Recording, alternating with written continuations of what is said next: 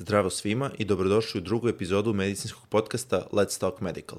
Moje ime je Marko Dimitrijević, ja sam student pete godine Medicinskog fakulteta Univerziteta u Beogradu. Pre svega bih se zahvalio ljudima iz Data Status knjižare koji su omogućili emitovanje ovog podcasta i obezbedili ovaj divan prostor u kome se nalazimo. Gost u ovoj epizodi podcasta će biti docent dr. Jelena Veličković sa katedre za hirurgiju sa anestezijologijom i reanimatologijom. Diplomirala je 2001. godine i radi na klinici za digestivnu hirurgiju, prvoj hirurškoj klinici od 2002. godine. Svoj specijalistički ispit iz anestezijologije sa reanimatologijom je položila 2006. godine, a magistarski ispit odbranila 2010. Doktorsku tezu na engleskom jeziku pred inostranom komisijom je odbranila 2019. godine. Izabrana je u zvanje kliničkog asistenta na predmetu hirurgija sa anestezijologijom 2014. godine, a zvanje docenta je stekla 2021. godine. Uža stručna oblast je intenzivna medicina, za što se edukovala tokom studijskih boravaka u Nemačkoj, Madridu i Milanu. Takođe je i predavač po pozivu na brojnim kongresima u zemlji i inostranstvu. Uživajte u epizodi. Poštovani gledalci i slušalci, dobrodošli u drugu epizodu podcasta Let's Talk Medical. Danas ćemo razgovarati sa docentom doktorom Jelenom Veličković sa anestezijologije i ovim putem ih želeo da ju poželim dobrodošlicu. Dobrodošli doktorka. Bolje vas našla. Hvala vam puno na pozivu. Meni je zaista uvek zadovoljstvo da se družim sa studentima um, u ovom lepom ambijentu okruženi divnim knjigama. Da, slažem se potpuno. Ovaj, pre svega bih krenuo sa time, pošto ja kao student pete godine, imali smo ove godine anestezijologiju, ovaj, moram da, da priznam da mnogo studenta, uključujući mene, nije baš znalo čime se bave anestezijolozi, pa bih od toga krenuo prvo šta je anestezijologija. Uh, to sam i ja primetila, a pre svega pošavši od ličnog iskustva, da ja, čak ni kada sam završila studije, nisam baš imala predstavu šta radi sve anestezijolog.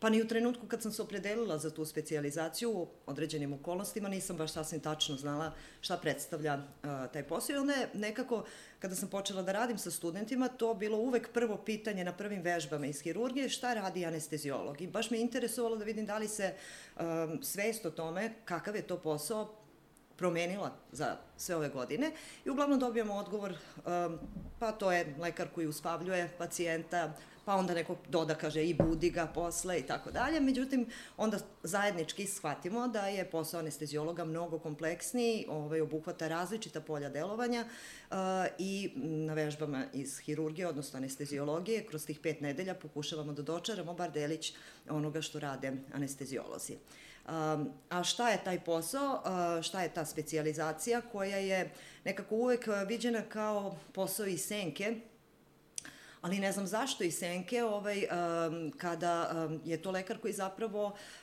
sve vreme vodi računa o vitalnim funkcijama i koliko god uh, delovalo nežno to što on radi, da pacijentu su traumu koja je vezana za operativni zahvat ili za kritičnu bolest ublaži, uh, opet su te, ako se posmatra s druge strane, akcije anestezijologa na neki način vrlo agresivne. Dajemo lekove koje oduzimaju svest, koje vrlo brzo oduzmu disanje bolesniku, značajno utiču na hemodinamiku i onda smo apsolutno i kompletno odgovorni za sve te vitalne funkcije tokom operativnog zahvata, a opet sa jednim ciljem da on prođe uz najmanju traumu za pacijenta i da na kraju pacijent bude i zadovoljan. Tako da, pored tog operativnog dela, odnosno rada u operacijonoj sali, anestezijolozi um, imaju i šire polje delovanja. Možda je ova pandemija COVID-19 uh, doprinala da se malo podigne svest o tome, jer su oni bili nezamenljivi u jedinicama intenzivnog lečenja. To je posebna oblast uh, anestezijologije, intenzivna medicina, gde se ovaj, izbrinjavaju svi kritično bolesni pacijenti koji su neposredno vitalno ugroženi. Osim toga, anestezijolozi, možda pre svih doktora, bave se i reanimacijom, jer je to sastavni deo naziva specijalizacija anestezijologija sa reanimatologijom, pa se u svim hitnim stanjima, počev od traume, preko infarkta miokarda i tako dalje, bave održavanjem životnih funkcija, odnosno kardiopulmonalnom reanimacijom i drugim reanimacionim postupcima. I takođe jedno veoma veliko polje delovanja anestezijologa u današnje vreme, o kojoj se takođe ne zna puno, to je terapija bola, različitih bolnih stanja, kako akutnih, tako i hroničnih e, bolnih stanja, najrazličitijih bola maligne, nemaligne etiologije. Tako da anestezijolozi mogu da rade na različitim mestima, u ambulantama, u jedinicama intenzivnog lečenja, u operacionim salama, u reanimacionim ambulantama i tako dalje i ovaj, to čini ovaj posao vrlo uh, zanimljivim, um, vrlo dinamičnim, vrlo kreativnim i ja često kažem da ovaj, zaista ne, m, onako kažem, slučajno, ni, ni, nisam ja odabrala posao, mm -hmm. nego je nekako posao odabrao mene, uh, da ne mogu da zamislim drugi posao u medicini koji bi bio toliko kreativan i koji bi vam omogućio da vam posao svakog dana bude potpuno drugačiji, ako se samo malo potrudite. Da, da. Ove, kako ste uopšte krenuli, mislim, je to bilo na studijama da ste, sada ste rekli da je posao odabran od vas, ali da li ste uopšte imali neku ideju na studijama da biste se bavili anestezijologijom ili ste imali neku ipak malo mirniju granu na umu? Uh, pa, pre svega, ja sam, uh, znate kako to je, ovaj, uh, pre, pre svega od izbora fakulteta, kako ide mhm. to, nekako postoje među nama oni koji su znali od kad su bili mali da će biti lekari. Uh, ja nisam bila među njima, ja sam ceo život želela da budem učiteljica, pa sam onda želela da budem neka profesorka, ajde, znala sam da ipak ide mi škola dobro, pa moram da učim nešto više, ali završit ću nešto, pa ću biti profesorka posle. Um, jer je to takođe, smatram, jedan od najkreativnijih poslova, baviti se mladim ljudima, uh, dati im neku inspiraciju, edukovati ih i na kraju krajeva, znate kako se kaže, znanje se umnožava deljenjem i jako je lepo biti deo toga. I onda sam ovaj, tako bila ubeđena da ću biti profesorka nečega, razmišljala sam čak o jezicima, razmišljala sam o, ne znam, prirodnim nekim naukama, biohemiji. I onda negde tamo, pod kraj gimnazije, koja je inače bila isto jedno divno razdoblje u mom životu, jedna škola koja je stvarno ovaj, nudila puno prostora za kreativnost, poštovala individualnost učenika, mm -hmm a sve vreme držeći neke kriterijume i visoke standarde. A koja je to gimnazija bila? Peta Beogradska Peta gimnazija, a, koja je, eto, u to vreme nekako, da kažem, jedan od razloga zašto sam mislila tim pozivom da se bavim je što su neki od najvećih uzora zapravo u mom životu, pored članova porodice, mm. bili profesori. I to je e, za mene zanimanje koje i dalje ima najveći najveći respekt prema tome imam. Uh, jako se situacija možda u društvu promenila, ipak to treba da budu figure koji treba da budu uzori uh, mladim ljudima. I ja sam imala zaista armiju uh, velikih imena koji su bili moji profesori i uzori i dan danas citiram neke od njih. I tamo negde pod kraj gimnazije, ovaj, sećam se da sam stalno taj džeparac nekako skupljala da kupim neke knjige i redovno sam ono kad izađem uveče u grad u plato knjižari kupovala neku poeziju, čitala to, razmišljajući da se bavim na tu stranu jezicima i književnošću. Mm -hmm. I uh, jedan put sam imala da napišem neki seminarski iz biologije i uh, prolazila sam pored jedne knjižare u Kralja Petra i videla sam nešto je bilo toliko jeftina u to vreme inflacije, -hmm. knjiga Gajtonova medicinska fiziologija.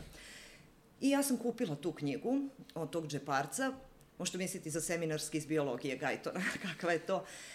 I ona je meni toliko bila zanimljiva, ja sam to čitala i onda sam pomislila, rekla sam, bože, pa i ova medicina je zanimljiva nauka, što se ja ne bi bavila time. To je neki bio moj, uh, da kažem, motiv, ne, nisam razmišljala toliko o poslu lekarskom, koliko, sam, koliko mi je to bila zanimljiva materija. I zaista taj Gajton je ostao bukvalno kao Biblija u mojoj kući. Ja dan danas vrlo često se vratim, ponovim nešto odatle, pročitam nešto, mnogo mi žao, to više nije zvanični učbenik ovaj, uh, fiziologije na medicini, um, ali nekako ostala sam jako vezana za tu knjigu i ona me opredelila ovom poslu. I onda sam ja mislila da se bavim pedijatrijom na početku. Uh, eto, volila sam decu, upravo to, ono, znate, biti mm -hmm. profesor, pa baviti se mladim ljudima, onda sam ja žela da se bavim pedijatrijom i ona je ovako dosta sveobuhvatna kao neka mala interna medicina. Uh, Ali sam onda negde, kada sam bila na kliničkim predmetima, na nekoj četvrtoj godini medicine, na vežbama iz neurologije, koje sam imala na dečiji neurologiji, doživjela jedno jednu grešku, da kažem, um, u smislu vezivanja za pacijenta. To je bila jedna napuštena devojčica koja je tamo ležala, ostavili su je roditelji, ona je ležala mesecima sama, ovaj, četiri mhm. godine je imala uh, i um, mislim da je bila neka epilepsija u pitanju i moja drugarica i ja smo svaki put posle vežbe ostale da se družimo sa njom. Ona je bukvalno zaboravila da priča. Mi smo učili pesmice, ne znam, onda smo joj donosili odeću, donosili hranu i toliko se vezale za to dete. Ona je umeđu vremenu dobila morbile, pa su je prebacili na infektivnu kliniku, pa smo mi tamo išli da, da je obilazimo.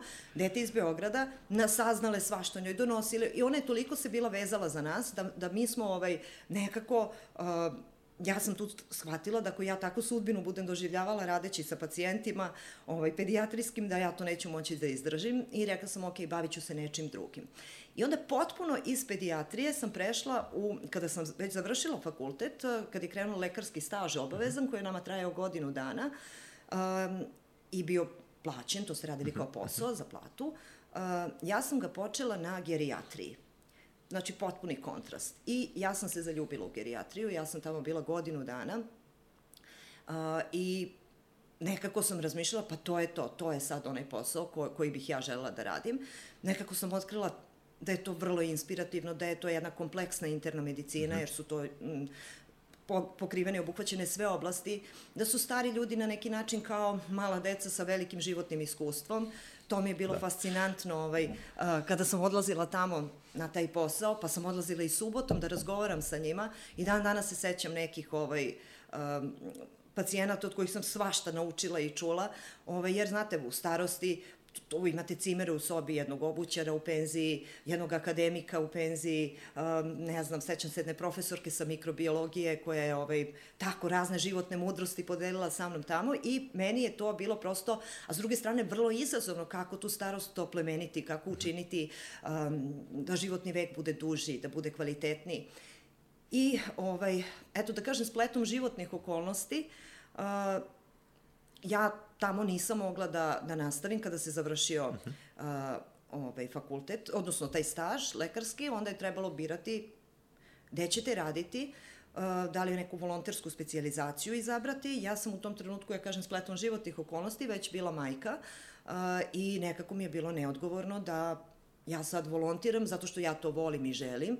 Um, I rekla sam, ok, hajde da budemo odgovorni, da vidimo šta to drugo ja mogu da radim, što će mi ranije doneti posao i egzistenciju. I u to vreme ovaj, bile su na raspolaganju četiri e, volonterske specializacije koje su bile deficitarne e, i kao takve su se nudile i mogle da se upišu volonterski. To su bile anesteziologija, e, tra, e, transfuzija, e, urgentna medicina i radiologija. I ja sam bukvalno uh, bila očajna razmišljajući kako baš od te četiri, ja mislim sad da izaberem, ne znam ništa ni o jednoj. Eto, radiologiju rekla sam neću, to je bila jedna predrasuda moja, oni se zrače puno, ne mogu, mhm. -huh. to je opasan posao, što je takođe predrasuda i velika greška i to da. je vrlo kreativan posao i to je vrlo interesantan i unosan posao u današnje vreme, isto tako možete se baviti različitim stvarima, ali eto, nismo imali dovoljno saznanja na fakultetu o tome.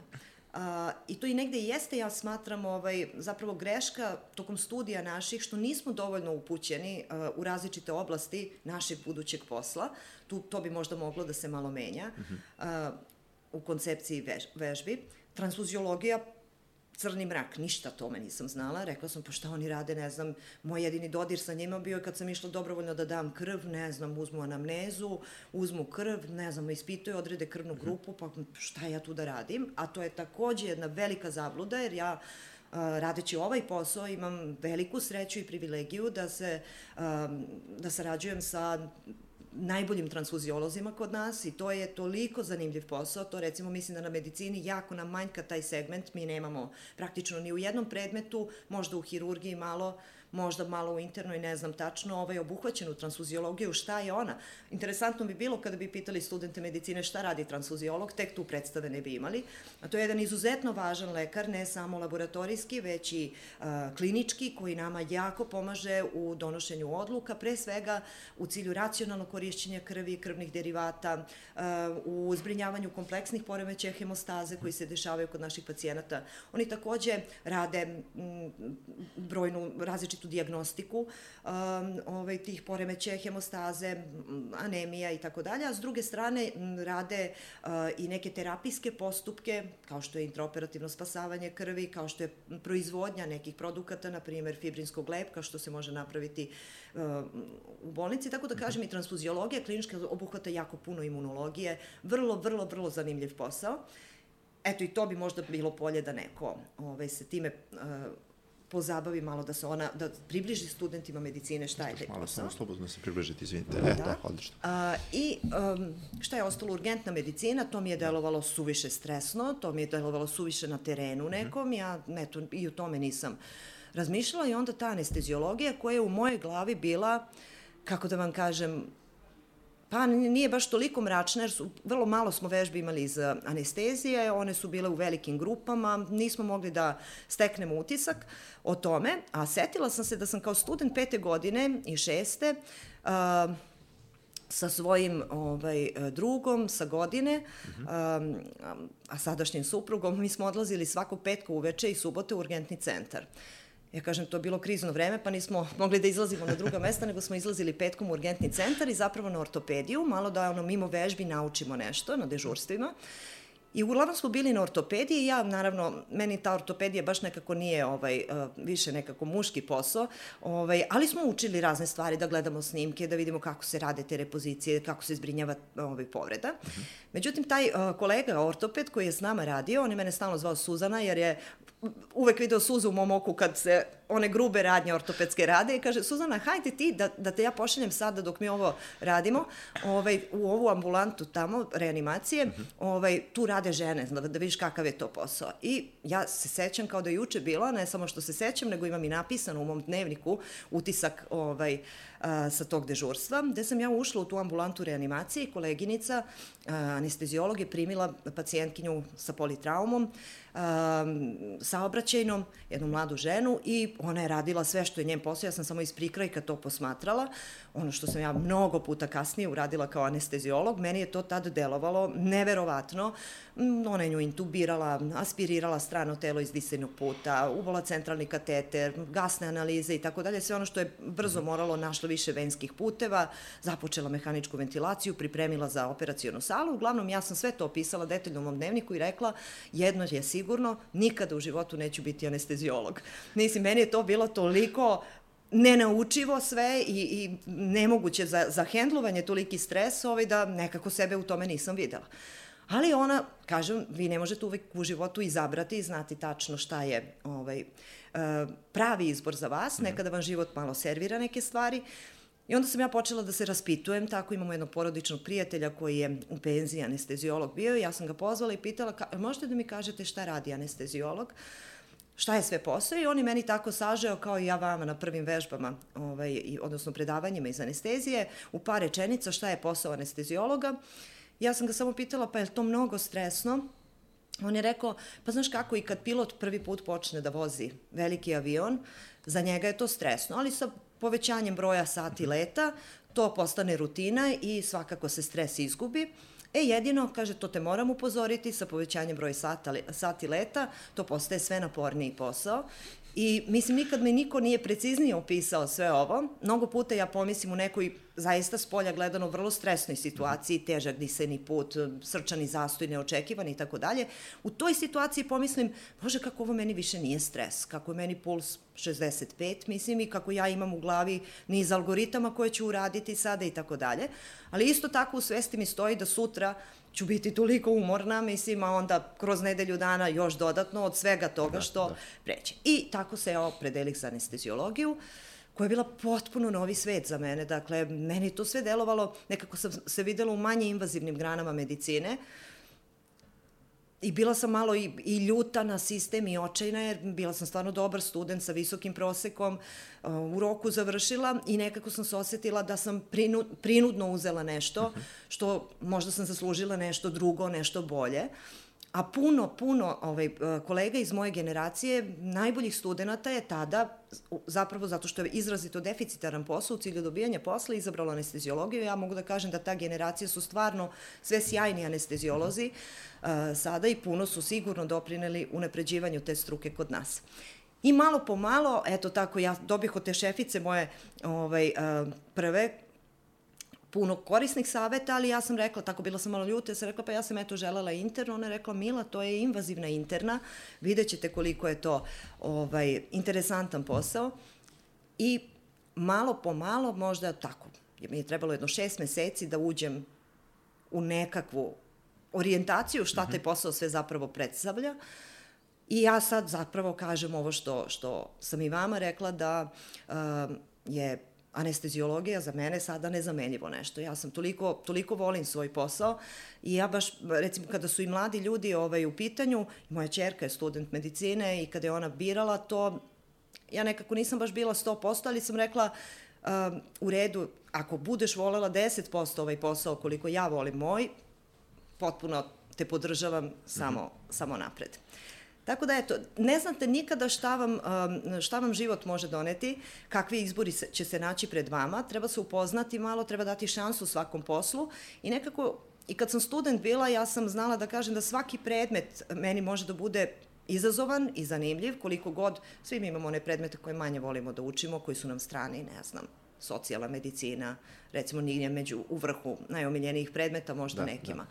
Ali ona može da bude toliko zanimljiv i posao i, i ovaj, materija kad se u nju dovoljno neko unese. Recimo, ja čak idem do ekstrema tih da sam rekla, na primjer, sad ako se ne bi bavila anestezijologijom, možda bi moj drugi izbor bila statistika i informatika.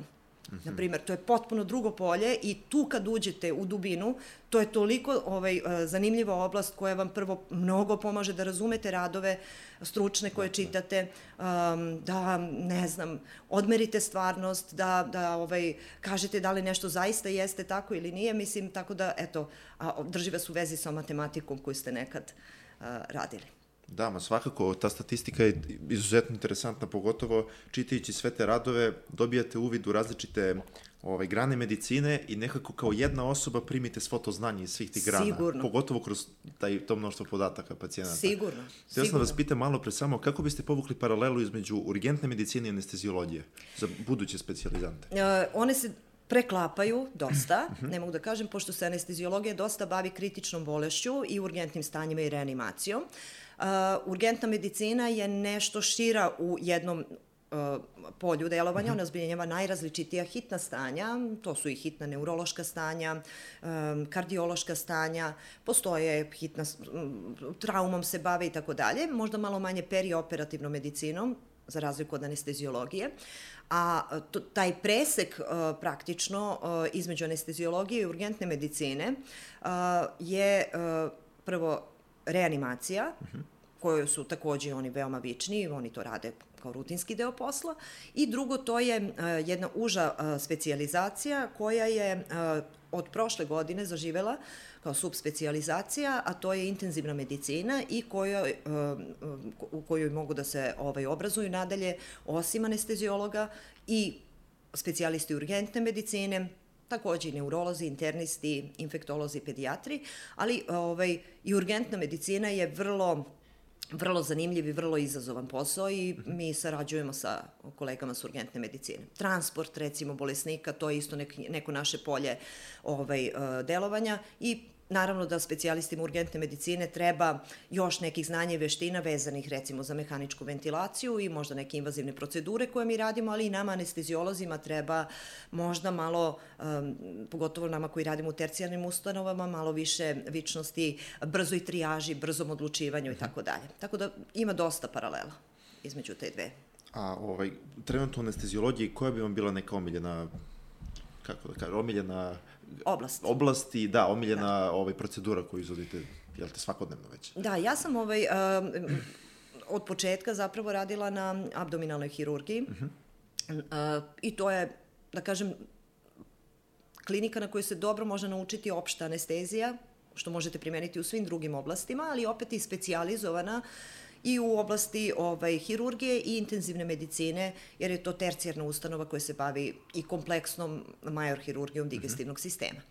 A u okviru anestezijologije ja sam se ipak nekako najviše opredelila za uh, rad uh, u intenzivnoj, uh, pa u okviru tog rada u intenzivnoj um, jedna od najčešćih stvari s kojima se tamo suočavamo je sepsa uh, i eto, ovaj, možda je to neko polje delovanja, antibiotici, na primjer i farmakologija antibiotika, to je ovaj veliki problem i antimikrobna rezistencija i e, moja velika ljubav je klinička nutricija, odnosno ishrana bolesnika. Vidite koliko anestezijologija možda bude da, široka. Da, da. Ovaj, i, I to je nešto što svakodnevno radimo ovaj, i volila bi da se i dalje edukujem u tom smeru.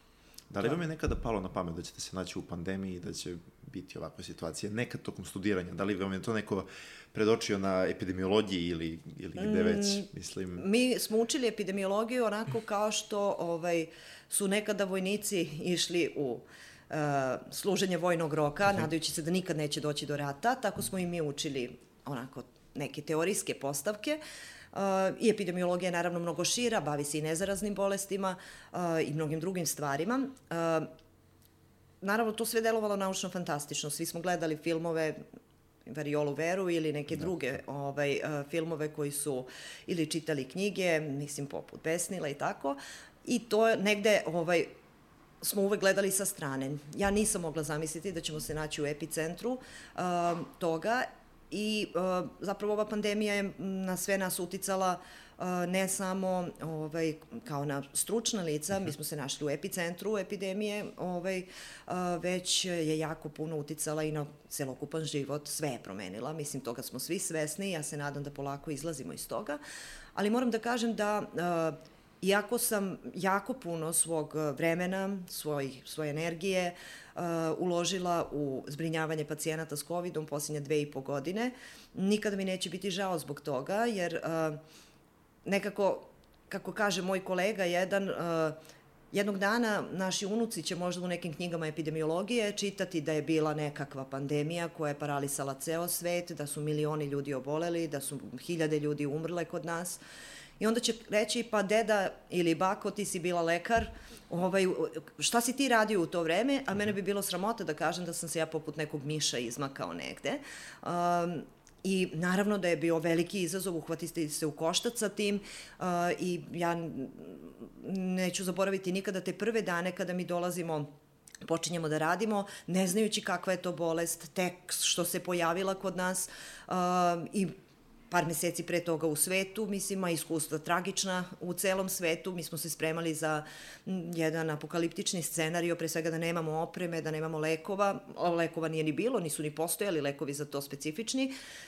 Međutim, imali smo dobru logistiku, imali smo jako dobru motivaciju, imali smo dobre timove uh, i na samom početku stvarno to je bilo onako, uhvatili smo se u koštac sa tim, razmišljajući, ok, da vidimo, to je akutna respiratorna slabost, uh -huh ajde da vidimo kako ćemo, kako bismo lečili inače akutnu respiratornu slabost da je od gripa, da je od nečeg drugog. I mislim da je taj pristup nama doneo najviše, najbolje rezultate zapravo tokom prvog uh, talasa pandemije i naravno, hvala Bogu, mislim ovaj, da, da je i nauka puno napredovala, pre svega da je došlo do pojave vakcina, zatim da je došlo do pojave antivirusnih lekova koji su vrlo uh, potentni i da je o, sam tok pandemije mogao da se uh, promeni. Ali naučili smo jako puno tokom epidemije, uh, jako puno, um, ne samo kao lekari, prvo mi smo proširili polje delovanja, jer, znate, mi kao anestezijolozi, jako je kurikulum naših veština i znanja vrlo širok. Nije baš akutna virusna infekcija mhm. nešto što predstavlja predmet našeg delovanja osim ako baš nije životno ugrožavajuće stanje. Ovde jesu bilo u pitanju životno ugrožavajuće stanje, ali su anestezijolozi se bavili, pre svega vi u ovoj epidemiji na početku niste znali koja će to osoba biti životno ugrožena. Toliko je različita klinička slika bila kod pojedinih pacijenata, tako da smo mi naučili svašta tu. A isto tako, bilo nam je veliko zadovoljstvo da smo kolege drugih profe, profesija, odnosno drugih mhm. specijalnosti, mogli da edukujemo za pre svega trijažiranje, a zatim i za neke intervencije poput intubacije ili mehaničke ventilacije ili e, zbrinjavanje kritične bolesti, ovaj, e, a da su potpuno druge branše. Stvarno su naučili i hirurzi i internisti, već da ne govorim, da, da. Ovaj, zatim ne, psihijatri, dermatolozi, za mene je fascinantno bilo koliko su dermatolozi pružili puno ovaj, u um, epidemiji, koliko su oni bili vešti da, da ovaj, znate, tu je bitno biti lekar i biti motivisan, mislim, a, a da, ove da. druge stvari se nauče. A naučili smo naravno da kreiramo timove, naučili smo koliko je timski rad jako bitan i to, to je ovaj, divno u medicini kada se dobije neko polje multidisciplinarnog delovanja. A kako je bilo recimo sada, pošto je, jel te, era ovaj, međunarodne komunikacije, uh, kako biste opisali taj početak sam uh, pandemije čisto za jel te, za buduća neka mm -hmm. ovaj, dešavanja koja su neminovna kao i, kao i, jel te, pandemije u prošlosti što su bile. Ovaj, kako biste opisali taj, tu komunikaciju između Srbije, naše države, sa ostalim državama sveta i da li se vaše lečenje kao doktora celog tima, ne nužno anestezijologa, da. menjalo iz dana u dan. Kako je to bilo? Jel bilo jel, da li bi vam bilo lakše da ste imali jedan kriterijum koji ste vi postavljali kao lekari iz ovog tima ili je ta nova, ove, te nove informacije samo pomutile vaš razum i Tako je, upravo ste, znate, koliko nas je pandemija zatvorila uh -huh. u vreme lockdowna, toliko nas je i povezala i uvezala sa pre svega kolegama širom sveta. A pojavili su se i različiti drugi oblici solidarnosti između ljudi širom sveta. I to zaista jeste, ovaj, to ste potpuno u pravu, da u različitim zemljama, naravno, na samom početku epidemije nastale su neke smernice. I e, mi smo kao lekari zapravo bili poprilično zbunjeni i poprilično frustrirani u početku ovde kod nas e, sa tim vodičima za zbrinjavanje covid koji su se u neku ruku razlikovali ili kaskali ili kasnili za onima koje su u svetu bile mm -hmm. prisutne. A s druge strane, kad ste pogledali prve one preporuke koje su ozbiljne organizacije poput Surviving Sepsis kampanje i tako dalje davale, sve te preporuke bile su na kraju posle preporuke stoji nema dovoljno dokaza, nema dovoljno dokaza. I ostavljeni ste da nekako rasuđujete, da nekako iz sobstvenog iskustva ili da čekate rezultate nekih većih kliničkih studija. Ja se sećam da recimo već je prošao skoro prvi talas pandemije kada je izašao prvi veliki, veliki rad, uh, odnosno velika serija bolesnika, um, uh, gde su, uh, mi smo bili opasno frustrirani da je nama otprilike oko 50% pacijenata u tom prvom talasu u bolnici u kojoj sam ja radila za COVID preminulo u intenzivnoj A, ovaj, a onda smo dobili rezultat na jednoj seriji preko 6000 bolesnika u Njujorku u 12 bolnica, gde je procenat smrtnosti kod intubiranih bolesnika bio preko 80, 88% tačno. I to je bilo onako prvo neko saznanje koje smo mi videli. Onda je bilo interesantno, e, svi mi imamo i neke svoje međunarodne kontakte, ovaj, tako da sam ja zapravo prve e, informacije šta, kako se organizovati i šta raditi dobila od e, svog dragog kolege iz Italije koji je se tek nalazi u epicentru, jer on bio šef uh, COVID mreže za Lombardiju um, i uh, oni su zaista imali sećate se potresno iskustvo da, u samom početku, ali su bila vrlo dragoceni saveti koje smo dobili od njih i oni su isto puno publikovali i njihova iskustva su nam bila od značaja. Uh, takođe u to vreme uh, zaživela je i još uvek je aktivna jedna Viber grupa koja uh, je napravljena pod pokroviteljstvom Svetske zdravstvene organizacije a pokrenuta od strane naših kolega sa ovih prostora koji su u dijaspori na Mayo klinici, rade, bave se intenzivnom medicinom i koja je umrežila preko 6000 članova ta Viber grupa, gde su se um, iznosila pitanja, dileme, nedoumice od strane kolega, a gde je jedan broj uh, administratora te grupe, koji su kao faculty delovali, um, delio uh, savete, reference, najnovije, um, literaturu na tu temu i na taj način um, te nedoumice nedoumice nama ublažavale. Tako da, u suštini, dok nisu došle prve velike randomizovane studije poput recimo studije koja je pokazala efikasnost eh, primene deksametazona, odnosno benefita u preživljavanju bolesnika sa COVID-om, eh, mi smo bili poprilično, da kažem, u mraku i eh, rukovodeći se onim što smo ranije znali, dobijali neke rezultate. Onda smo dobili potvrdu da ti kortikosteroidi zaista mhm. imaju mesto iz ovaj, ovih randomizovanih studija i potom su naravno te smernice danas uh, vrlo jasne, ovaj, uh, danas uh, kako da kažem, su ta znanja univerzalno prihvaćena. Ali mnogo je interesantno, znate, ja sam imala uh, u septembru mesecu jedno predavanje uh, u Finskoj gde sam podelila zapravo uh, naše iskustva vezano za zbrinjavanje bolesnika u pandemiji kroz pandemijske talase, koje je bilo pa da kažem malo stručno ovaj predavanje vezano za naše iskustvo sa antivirusnim lekovima, a malo i onako ljudsko i emotivno kroz uh, vizuru jednog anestezijologa koji je plivao po tim pandemijskim talasima.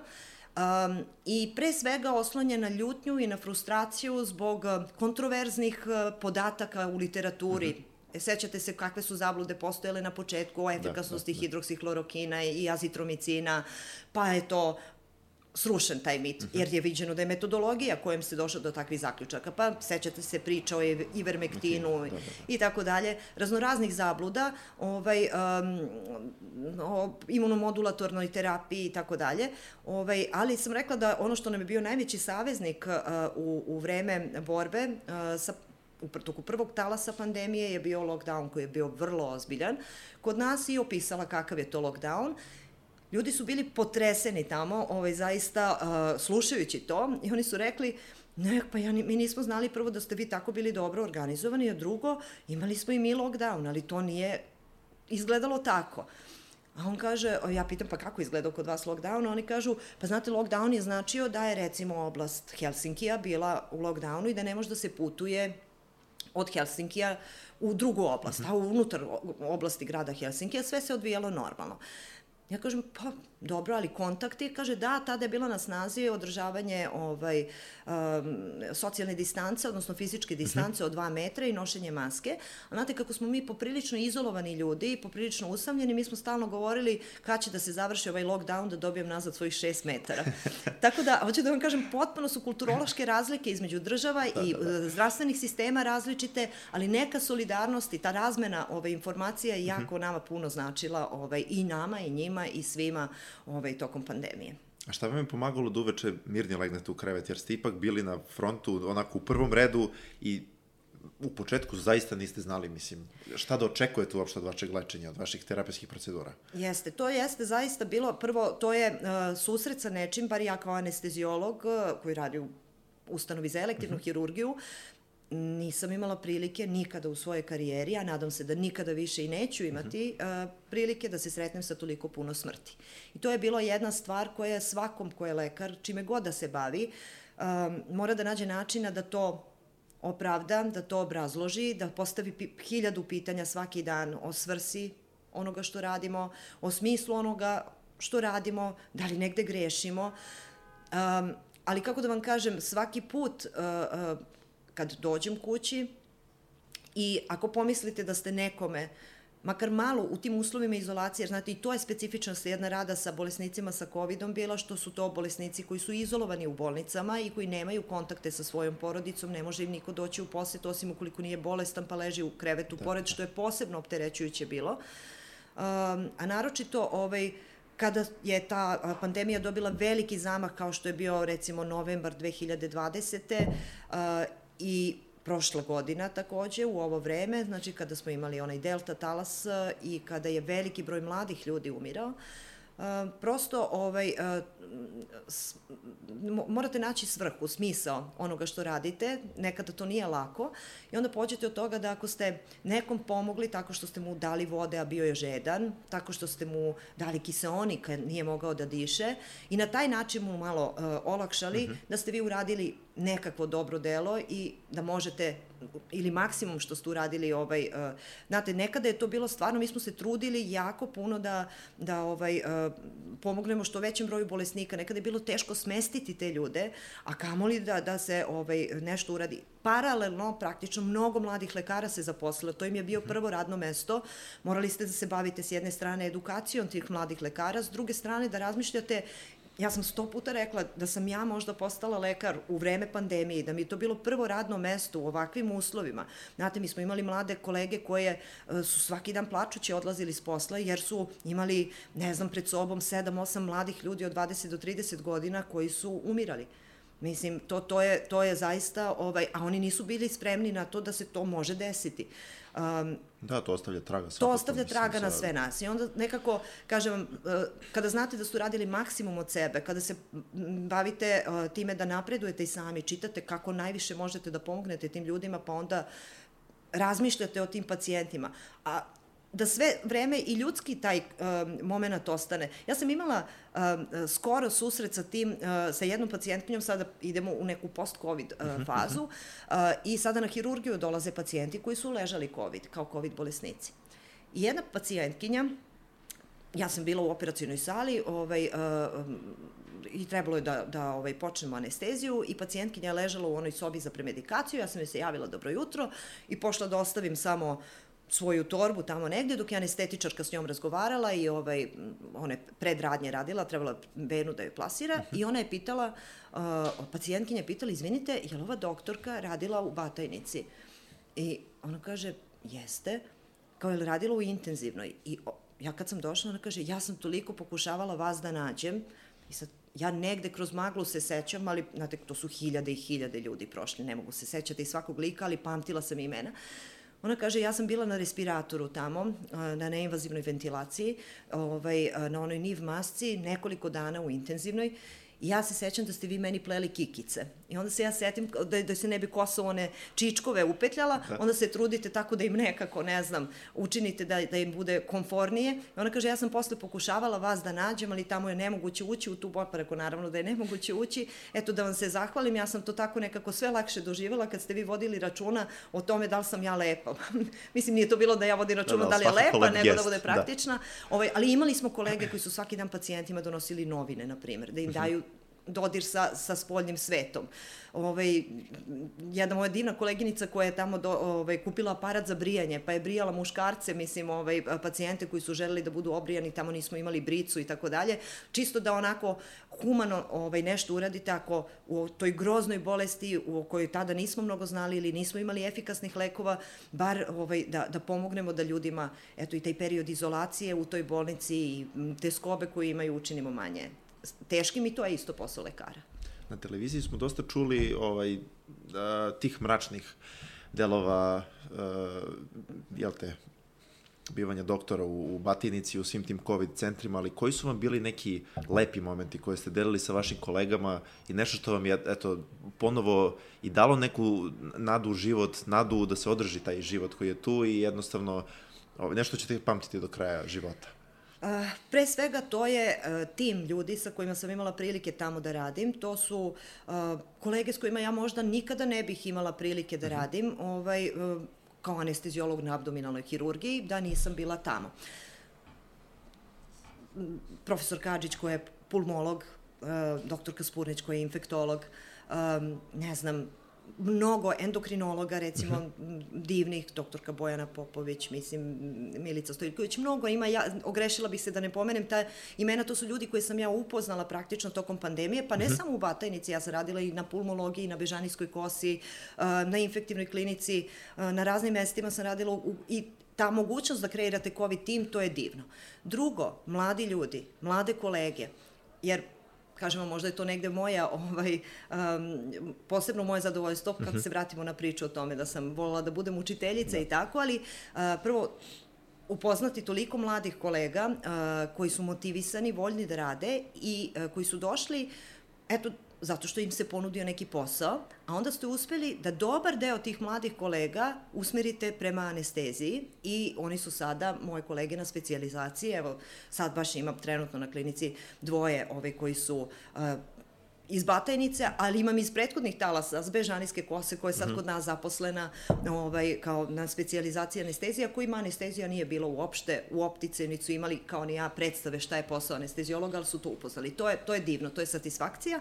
I konačno, one ljudske priče sa našim pacijentima, ja imam pacijente sa kojima sam i dalje u kontaktu, um, neki od njih su vrlo specifični, um, zato što su recimo du, jako dugo ležali kod nas. Imali smo pacijentkinju koja je 9 meseci bila COVID pozitivna, imala neurohirušku operaciju kod nas, um, vrlo redka priča je bila u pitanju i koja je um, ne samo izašla iz bolnice, mm -hmm. nego vodi život i dolazi i obilazi nas ovaj, dalje, mislim, neka dođe na kontrolu, a nekad i onako da nas obiđe i u kontaktu smo. To su lepe priče, mislim, kada vidite da to sve ima nekog, nekog svrhe i nekog smisla. A mnogo je teško s druge strane, utisci koji su, ovaj, jer svi smo mi negde u ovoj pandemiji izgubili nekoga. Um, ja sam isto imala među najbližim članovima porodice ljude koje sam izgubila, bila sam lično uključena u lečenje i to je posebno teško. I izgubili smo kolege neke i to nikad ne treba da zaboravimo, to su kolege koji su praktično život ostavili na radnom mestu, ove, izbrinjavajući druge pacijente, sami oboleli, među njima ima i mladih kolega, eto, to, to je nešto što uvek treba da se setimo toga. To je sad malo lična tema, ali mislim da je e, bitna. Da li bi možda mogli da podelite kako je to, čisto savet za, za buduće kolege, kako je lečiti nekog bližnjika? Mnogo teško, moram da vam kažem da je to mnogo teško. Uh, ja, I gde svom... se treba, izvinite, postaviti granice? Apsolutno. Znači, granice moramo naučiti da postavljamo svuda. -huh. i svakodnevno radeći posao. Znači, granica se mora postaviti. Ja sam zato rekla, ja sam napravila jednu grešku kao student kada nisam napravila granicu da. prema pacijentu. Uh, ali, s druge strane, uh, kako da kažem, svi mi koji smo se opredelili da radimo ovaj posao, nas negde karakteriše empatija i nekada je malo teško kontrolisati tu empatiju, ponese nas to, pa doživimo da. ovaj, bliskost, ali i racio mora da prevlada. Ja recimo kada radim redovno svoj posao na anestezijologiji, gledam da ne dajem anesteziju svojim najbližim članovima porodice, pa kad je moja sestra u pitanju, kad je moj, ne znam, neko drugi bio u pitanju, ja tražim ovaj, kolegu, mhm, zamolim mhm. kolegu, kažem možeš li ti to, upravo zato da taj emotivni odnos nema. Ovde nismo bili u prilici da to uh, biramo, znate, prosto da. epidemija je, svi radimo to i to je zaista uh, posebno teško i naročito nam je teško bilo kada su bile kolege u pitanju. Mislim, ja sam imala kolege anestezijologe koji su bili naši pacijenti, mm nažalost neke koji su i preminuli, uh, to je posebno teško, zaista. Uh, to, to je ovaj, uh, nešto gde morate naučiti da pravite granicu. Uh, naravno, svako od nas pomisli, možda sam to mogao biti i ja. Mislim, Da. jednog dana, to se i ne zna. Ovaj, I meni je zapravo u celoj pandemiji koja je trajala eto dve i po godine, radila sam na mnogo mesta, najteži moment, najteži dan u pandemiji bio dan kada je preminuo uh, moj mladi kolega Nenad Maksimović. Ovaj, on nije uh, nije, nisam bila neposredno uključena u njegovo mhm. lečenje, ovaj, nisam ga ni videla tih poslednjih dana, čuli smo se malo pre toga, on je baš direktno ovaj, se razboleo i uh, radeći taj posao i u svojoj 38. godini je uh, preminuo. Mm -hmm. Tako da kažem, to je meni najteži dan od početka epidemije, ali uh, kako da kažem, to je nešto što je naš posao, mi moramo naučiti da, da pravimo granice svakodnevno u raznim stvarima koje radimo. Ja sam prosto morao da se dotakne COVID-a, iako je, ajde, nadam se nešto što je iza nas, ali vi ste ipak bili u, to, u toj prvoj liniji vojske koja nas je branila i lečila, tako da sam zaista morao da se dotaknem te teme. Ali, ovaj, rekli ste, malo pre ste spomenuli da je dosta mladih i novih lekara ovaj, tada stupilo na, na scenu i na svoju dužnost, pa kakve su vaši utisci o ovim novim generacijama, uključujući i našu, ovaj, u poređenju sa recimo vašim? I koje savete bi dali e, studentima kako da, da, da, da uče više, da znaju više, jednostavno da se više posvete ovoj profesiji? Um, pa ja nisam sklona kao što neki kažu u moje vreme to je uh mhm. -huh. bilo. Svako vreme ima neke svoje uh, specifičnosti. Uh, naravno ima razlika, ima mhm. dosta uh -huh. razlika. Uh, ja mladost volim, cenim, uvažavam jako. Sećam se kada je moja čerka, koja je takođe imala želju da bude učiteljica i profesorka kao i ja, pa je onda da bi opravdala to što ipak neće to, ona je rekla, znaš, razmišljam ja, eto mi sad svi idemo, ono kao maturanti smo veći, šta, ovaj, uh, sad mi ćemo otići iz gimnazije, pred nama je život, mi idemo dalje, a profesori tu ostaju. Ja kažem, da, ali dolaze novi mladi, oni su stalno okruženi mladim ljudima, a vi ste već otišli. Da, da, da. I to je, to je privilegija rada sa mladim ljudima, da ovaj, stalno imate novu mladost i možete da poredite, da analizirate i da vidite specifičnosti. Rekla bih da su današnje generacije malo pragmatičnije nego što su bile moja, a da ne govorim one e, ranije generacije, da nekako e, kolege bar misle da rano znaju uh, čime žele da se bave, da to bude isplativo, da to bude ne znam, primetila sam recimo to me jako iznenadilo uh, kada sam počela to da radim sa tim mladim lekarima u Batajnici, da su oni vrlo, uh, osim toga što su bili vrlo voljni da um, rade, da uče, uh mhm. -huh. da prihvataju nove stvari i tako dalje, mnogo vodili računa, radno vreme, ne znam, prekovremeni sati i tako dalje, što možda nije loše uopšte, jer mi o tome apsolutno nismo razmišljali. Mi smo ostajali na poslu dok smo učili, dokle god treba i ne treba danju, popodne, noću, ne znam, ostajali posle dežurstva, mnogo dežurali, nismo se pitali koliko je nama sati tu plaćeno, koliko ne, ali mislim da, da je to prednost, a ne mana ove generacije mlađe. Zapad dolazi do nas, to je ipak neki američki sistem. I treba sistem. tako da bude, i da. treba tako da bude, slažem se. Um, ono gde, gde mislim da bi, uh, da bi moglo da malo... Um, šta bih preporučila zapravo mladim kolegama, to je da taj deficit koji možda na fakultetu postoji u praktičnim veštinama i znanjima, probaju sami da nadomeste eto, dolaskom u nekim intermecima, ako vam već neko ponudi da dođete na dežurstvo ili u pauzi nekih vežbi negde i tako dalje i ponudi vam da, da vas obuči da uradite neku proceduru, zašto da ne, prihvatiti to, to nikad nije izgubljeno vreme. To, je, to su ovi naši izlasci u urgentni centar što su bili nekada, ovaj, kako da kažem, to je nama na, poslu, na dežurstvu možda zadatak više da imamo sa, sa da. ovaj, uh, eto, imam posla, pa još imam i studente. Ali mnogo je lepo kad znate da možete nekog da nešto obučite i kad vam dođu posle toga ovaj, uh, mlade kolege kad završe posao, a vidite da su već upućeni u to.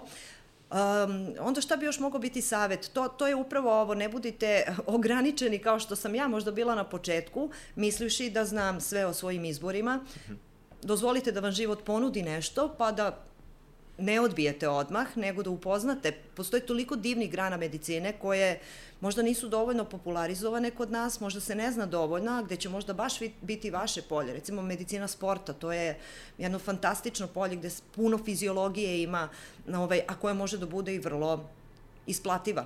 To je, nadam ovaj, se, moja buduća specijalnost. Eto, to je predivan, da, predivan eto, hvala posao. što ste to spomenuli. Tako, to je predivan posao. Ja, ja imam jednu drugaricu koja je išla sa mnom u gimnaziju i koja je toliko volela sport, ali volela je kako da kažem, nije ona bila sportista, ona je bila, ovaj, uh, radila analizu futbalskih utakmica. Ja to, to ne mogu da... Ona gleda, izvuče, to bile su tad videokasete, neku Aha. videokasetu i ona je ovaj, to učila. Bila odličan đak, mislim, naravno, gimnazija, ono, super đak i tako je upisala medicinu. I onda je nastavila da se bavi, ona piše analizu utakmice i završila je posle toga školu neku za trenera i trenirala neki ženski futbalski klub u Grodskoj. Ovaj, uh, I posle toga, naravno, kao prirodan izvor se nametnula medicina sporta. Ona sad radi da. u inostranstvu, bavi se time i to je, to je ovaj, što da ne, vrlo lepo, uklopila je razne stvari ovaj, u da, to. Da, da. Onda šta bih još mogla da vam kažem? Negujte hobije. Uh, ne, negujte, zaista, to je, to je jako bitno. Uh, družite se, To, to je... Uh, ne, mogu da vam dajem savete, samo sedite, učite, ovaj, učite, učite i učite, mislim, zato što Učiti se može na različite načine, e, morate ga osmisliti, morate ga e, popuniti. Ja sam baš bila jako deprimirana tokom ove prve dve, tri godine pandemije, e, odnosno prve dve, tri godine studija moje uh mhm. -huh. čerke, mislim, koja je ovaj, započeto u doba pandemije. Sve je bilo online i to, to je loše rešenje za studije medicine, to ćete se složiti. Nikada da, se ne može napraviti. Recimo, mislim da su oštećene generacije što nisu imale prave infektivne bolesti. Ovaj, vežbe iz infektivnih bolesti na, na pravi način, kako smo mi to imali, um, i druge kliničkih predmeta. Uh, tako da kažem vam, uh, osim, uh, št, fakultet nije samo to, fakultet su i drugarstva, konekcije, prijateljstva, da. um, sport, zašto da ne, um, neko nešto drugo voli, ja sam volila da pevam, ja sam pevala u horu, mislim i dan danas me te konekcije i to je jedna od stvari koja će vam, zašto treba to da negujete, jer nikad ne znate kakve će vas krize u životu snaći, kao što je recimo kriza sa pandemijom, mhm. kriza sa, ne znam, nedobijanjem posla, malom platom, pro, privatnim razočarenjima onda je to neka svetlo ovaj, uh, i tračak nade, odnosno taj vaš hobi i ta, to, to vaše ovaj, uh, neka druga stvar u koju ulažete, isto kao i u medicinu, znači dajte, budite strastveni u svemu što radite, ovaj, to će uvek dati dobar rezultat. A da li je vašoj generaciji uh, bilo primarno ovaj, to finansijsko snabdevanje iz strane struke, recimo, e, a, to... da li otići u estetsku medicinu, otići u... Ma kakvi, pa ne. pa ja ne, pa potpuno nisam imala predstave blage, uopšte nisam o tome razmišljala, što uh mhm. -huh. ne kažem da je uh, zrelo, to verovatno nije zrelo ovaj, s moje strane ovaj, i s, na, strane naše generacije, mhm. jer to, znate, lako je razmišljati tako šta volim da radim ako zna, stalno neko drugi misli o vama i finansira da. vas. Uh, s druge strane, mi smo živjeli u jedno uh, grozno vreme, to, to je zapravo i moja gimnazija i upisivanje fakulteta su bile kako da vam kažem, ono, 93. godina je simbol za najveću krizu i da. inflaciju da. koja je bila. Eto, tada sam upisala studije i naravno da tu nisam razmišljala kakva estetska medicina i zarada od, od medicine. Uh, a s druge strane, ovaj, onda posle toga pred kraj fakulteta bila je ovaj, bombardovanje uh, Pa mi nismo imali ni absolventsku ekskurziju, ni absolventsko veče, mislim i tako. To je sve bilo onako poprilično, imali smo tokom studija, treći, četvrta godina, jedan veliki protest usled političkih previranja kod nas e, zbog izborne krađe koje je trajao tri meseca i koji je bio praćen kompletnim bojkotom nastave. Ovaj, ja sam u tome isto učestvovala svim srcem, moram da kažem, mislim i ovaj, um, nekako je bilo fantastično tada osjećati se da, da učestvujete u nečemu mhm. što će uticati na budućnost svih nas. Um, I kako da vam kažem, nekako smo bili uljuljkani i nismo o tome razmišljali previše. Uh, ja znam da su moji roditelji koji inicijalno nisu bili baš presrećni što sam ja odabrala da se mhm. bavim ovim poslom. A oni nisu, oni u toj struci? Ne, oni ne, nisu, ne. nisu lekari, oni se drugim ovaj, strukama se bave, eto, tata inženjer, recimo, i sigurno bi njemu bilo drago da sam ja tako nešto odabrala. Kao što bi meni bilo drago da je možda moje dete tako nešto odabralo, ali eto, šta da radim.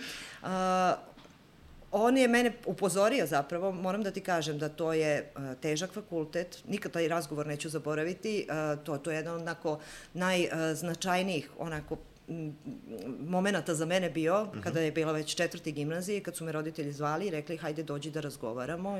Ja rekao šta će sad biti? Njih dvoje kao veće staraca sedi i mhm. kažu ti si rešila da upišeš medicinu. Ja kažem da. Kaže pa ti znaš da je to fakultet koji traje šest godina, fakultet koji je jako težak. Mi e, nemamo nikakvu vezu, mi zaista nemamo puno lekara u mhm. porodici, ovaj, nemamo nikakvu vezu ni da upišeš, ni da završiš, a još manje da te zaposlimo, jer ti znaš koliko je to teško, jer ti znaš koliko je to pa malo plaćeno. Uh mhm. -huh.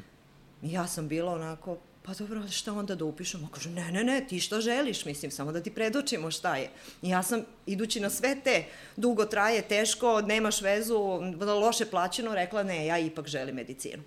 Um, ali, ovaj, možda treba biti pragmatičan. Ne treba to staviti na prvo mesto, naravno. Uh, ali treba biti pragmatičan, zašto da ne? Mislim, uh, ako uzmete globalno, medicina je na kraju krajeva pored toga što je jedna divna, humana profesija, jedan uh, divan uh, posao, uh, divna nauka, ona je i veliki biznis.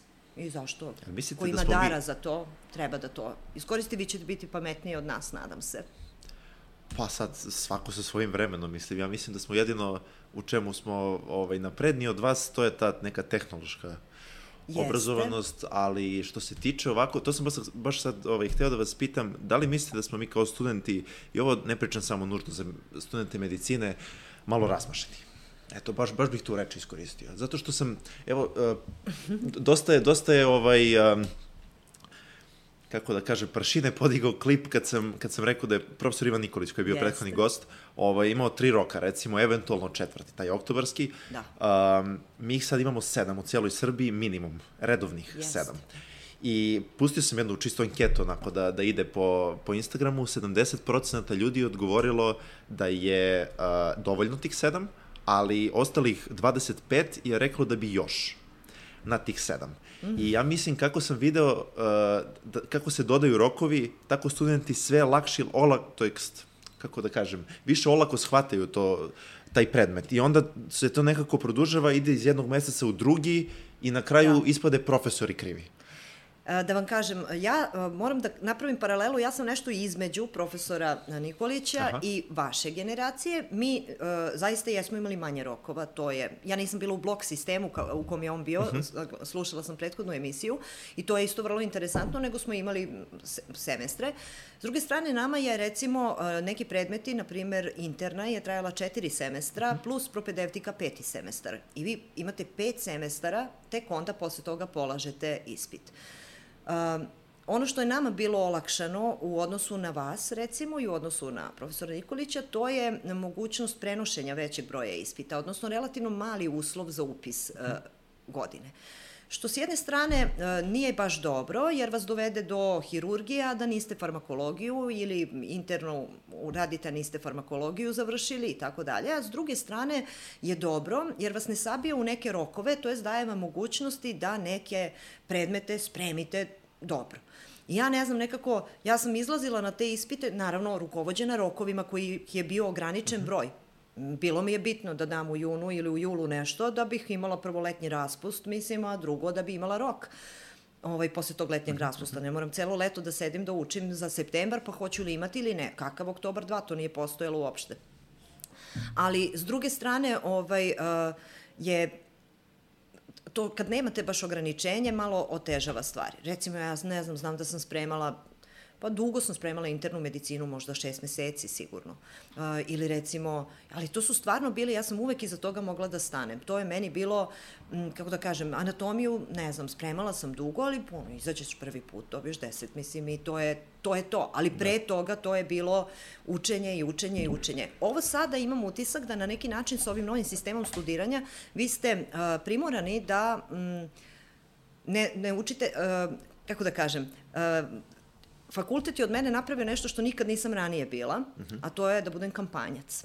Uh, kad sam bila u gimnaziji, meni to sve toliko bilo zanimljivo i izazovno i meni je bilo na neki način, ja sam prosto voljela da učim i meni je bilo potpuno sve jedno, jel danas pita ili sutra kontrolni ili preko sutra, isto mi je. Ja sam se spremila pa sam se spremila. Da. Na fakultetu, boga mi, sam naučila da budem debeli kampanjac, jer kad učim jedno, ja ga učim potpuno, sve drugo je otišlo, ne znam, u zaborav. Onda kad sam završila taj jedan predmet, onda krećem da učim drugi predmet koji je veliki i tako dalje, ali kad naučite dobro one bazične predmete, one fundamentalne nauke, onda toliko posle lakše ide učenje jest, kliničkih jest, predmeta jest. i ta dobra osnova, ljudi se pitaju šta će meni to sad, ne znam, da učim iz patofiziologije ili ne znam, iz patologije ili iz anatomije, to i to. Sve to ima i tekako ovaj, uh, mesta. Ja se i dan danas sećam iz tog Ajtona koje, kažem, Biblija naša, nekih rečenica kao citata, jer sam prosto uh, eto, ovaj, temeljno to radila. A druga stvar koja mi je, eto, sad ću morati da kažem prosto kao nekako, nekakav savet za, za ove studente medicine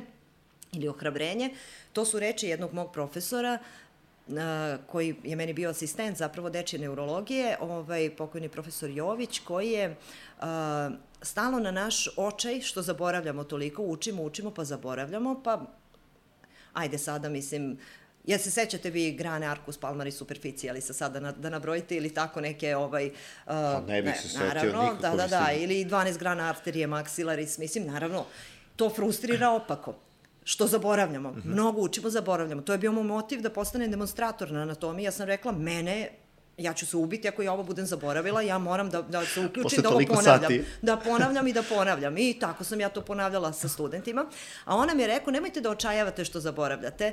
Uh, znate, uh, sećanje uh, su proteini engrami, to su proteini. Mm -hmm. I to je materija. Znači, ona negde postoji u mozgu. Materija ne može da nestane. Samo treba da nađete te neke asocijativne Nisam puteve, da je dovedete, ovaj, da je dovedete negde na površinu, do mm -hmm. korteksa, da osvestite to i nemojte da se sekirate. Znači, ponavljanjem ćete brzo doći do toga ako ste nešto već jednom naučili.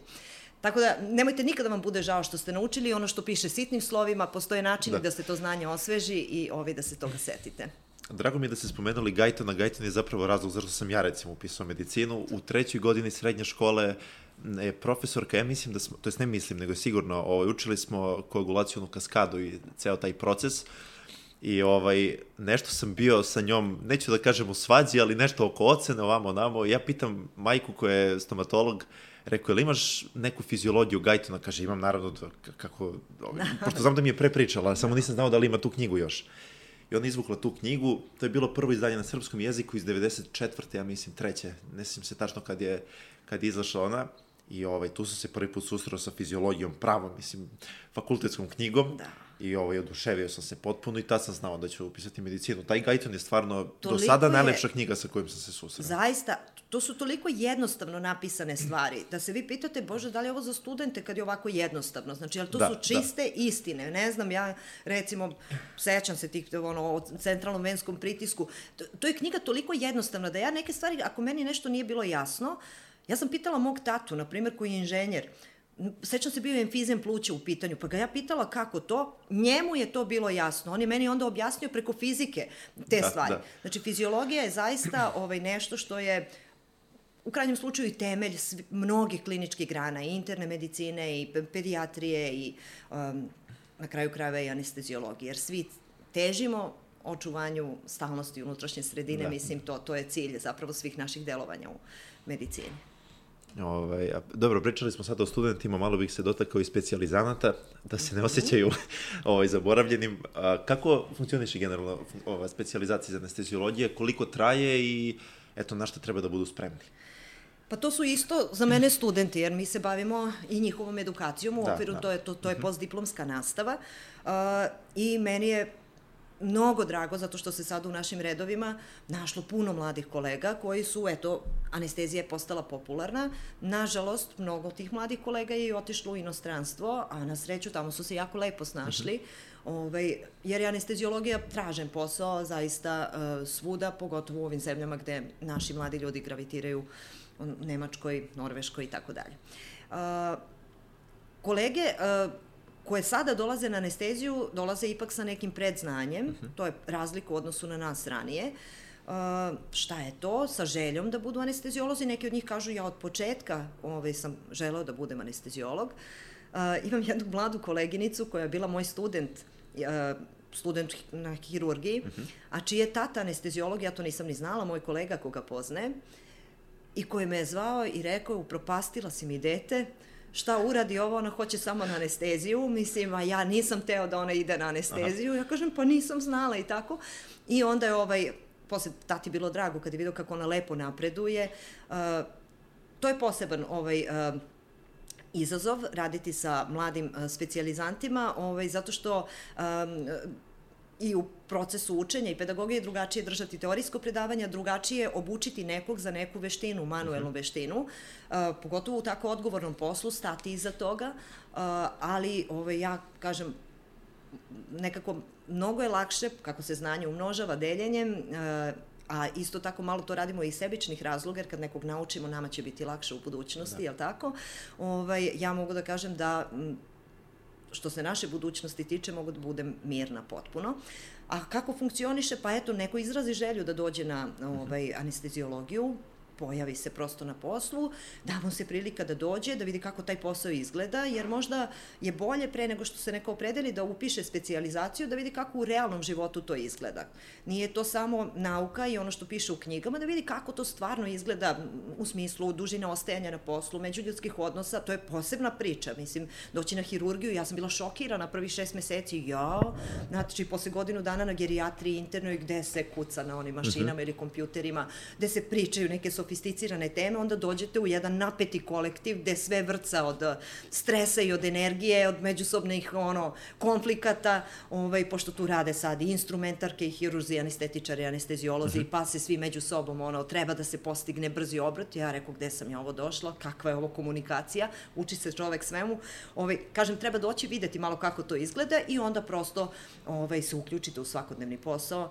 Ja volim i studentima čak, kad mi dođu na dežurstvo, da im dam priliku da da, ne znam, ih obučim da plasiraju perifernu venu, neki su plasirali centralne venske katetere, uh mhm. -huh. da, ovaj, recimo neke, oni sami kažu, znate, nama je rupa iz interne medicine interpretacija EKG-a. I sad mi možda nismo najkvalifikovaniji anestezijolozi, ali prosto mi to radimo sto puta dnevno. Razvučemo i pogledamo EKG i naučili da. smo već to i pomognemo na taj način studentima. Interpretacija gasnih analiza koja je noćna mora, mislim, za većinu lekara, jer je teško, neopipljivo, mislim možda malo maglovito kako to izgleda, toliko može da se približi lepo, a najbolje kada student sam dođe uzme krv za gasne analize i onda zajedno interpretiramo to što mhm. su radili. Tako da, ovaj, to su studenti, a isto tako i specijalizanti, ovaj, uh, verujem da, da ovaj, većina njih koji su uzeli anestezijologiju nisu se pokajali i ovaj, meni je sad drago jer već dovoljno dugo radim ovaj posao da sad već neke moje iskusne kolege pamtim njihove prve dane ovaj, kada su kod nas počinjali. A kako izgleda vaš prosječan dan na poslu? Koliko nedeljno sati radite otprilike? Naš, uh, onako po ugovoru nedeljni rad je uh, 36 sati. Mhm. Nije 40 časovna rada nedelja kao što je za većinu struka, nego je zbog posebnih uslova rada u operacijonoj sali, u zonama zračenja da. i tako dalje 36 sati, što znači 7 sati dnevno i jedan dan u nedelji 8 sati. Mhm. Međutim, bar na mestu na kome ja radim, ovaj, um, to radno vreme se nikad nije baš previše poštovalo, uh mhm. -huh. uvek su se probijali ti rokovi i nekako pogotovo kada sam bila specijalizant, mi se nismo ni pitali ovaj, uh, kad je kraj tog radnog vremena, -huh.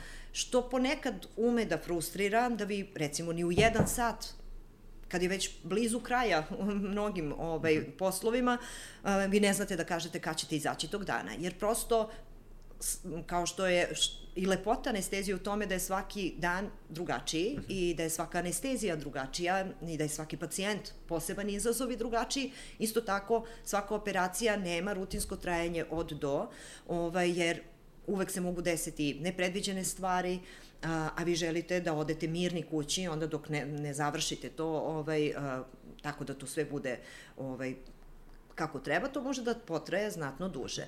Pored toga postoje i dežurstva kao oblik prekovremenog rada, kada ostajete preko cele noći u bolnici. U mojoj bolnici to je samostalno dežurstvo anestezijologa za svih 200 ili 250 mm -hmm. pacijenata koji se tu nalaze. Ovaj, I to nekad ume da bude naporno, ali sve u svemu ja i dalje sa radošću idem na posao zato što je, eto kažem vam, svaki dan ne znate šta će vam novo doneti taj posao i ovaj, m, mislim da, da je to dobra stvar. Kad, kad ne budem više sa radošću dolazila na posao, verovatno ću se onda okrenuti da se bavim statistikom i informatikom. A za koga jeste, za koga nije ova specializacija? Um, Tip ljudi. Da. Uh, često su govorili da je to kao specijalizacija, potpuno drugačija percepcija. Znate kako, neki ljudi kažu to je, kad sam se ja raspitivala šta je to anestezijologija, ja sam pitala tog ovaj, porodičnog prijatelja koji je iskusan bio anestezijolog, vrlo cenjen ovaj, muškarac. Uh, S druge strane, moja kuma, koja je takođe anestezijolog i koja je isto tako htela internu, ovaj, eh, raspitivala se s druge strane i ona je od jedne žene dobila, jao, pa ovo, to je divan, to je prvo toliko čist posao, to je damski posao, znate, neko ima takvu percepciju, neko ga tako doživi. Uh. -huh ja ne bih rekla da je baš mnogo čist posao ovaj, um, i vrlo je dinamičan posao i ne bi ga delila na muški i na ženski posao, mm -hmm. negde se favorizuju muškarci upravo zbog težine posla, noćnog rada i tako dalje. I postoje neke oblasti u anestezijologiji gde tradicionalno više ima muškaraca, ne znam, ortopedije, neurohirurgije i tako dalje, ali ovaj, uh, generalno to je uh, posao za ljude koji su dinamični, za ljude koji uh, vole bazične nauke i znaju ih, pre to, to, svega to moram reći, znači mora se imati predznanje dobro iz, ne samo iz fiziologije, iz patofiziologije i farmakologije, već iz da. biohemije, već iz fizike, hemije, osnovnih stvari nekim, znate, postoji cela oblast u anesteziji koja se bavi fizikom anestezije. Evo sad kad bismo sišli dole u knjižarnu, naći ću vam i knjige koje se bave fizikom u anesteziji. Pa oni zakoni koji smo učili u gimnaziji, koji smo zaboravili ili nismo voleli i te kako imaju primenu. Ja stvarno baš to najviše volim kad pričamo o fiziologiji, patologije kardiovaskularnog sistema studentima ili mhm. specijalizantima, ja se potpuno pozovem na OMOV zakon, na to, da vi vidite kakva je pra, stvarna primjena tih zakona u fizici u kardiovaskularnom recimo sistemu.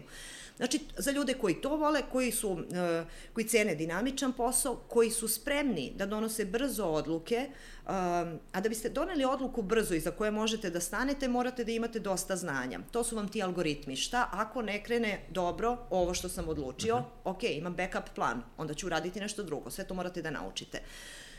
Tako da, ja bi preporučila svim mladim ljudima koji ovaj, vole da imaju dinamičan posao, um, ipak je to cenjen posao, ne mogu da vam kažem, to, je, to zaista jeste. Ljudi imaju ovaj, negde, to je, jeste posao i senke, mi nismo egzibicionisti, ne, ne idemo da se bavimo, ne znam, um, ovim ili onim, mislim, ovaj, promocijom posla na, na pogrešan način, ali satisfakcija koju možete dobiti kao neko ko je, nekome ko je bio prestalo da radi srce i bio mrtav, da, da. pa ga oživeo posle toga, to je nemerljivo, mislim, zaista. Uh, Tako da, za mlade, dinamične ljude, mislim, a kažem vam, pošto posao pruža mnogo mogućnosti i kad se približite onim kasnim godinama i kad ste umorni, on može da dobije oblike poput ambulantnog rada u terapiji bola ili recimo, ne znam, neke konsultantske aktivnosti ili neke mirnije anestezije. Mhm, Zaista to mhm. postoji stvarno ovaj, eh, široko polje delovanja.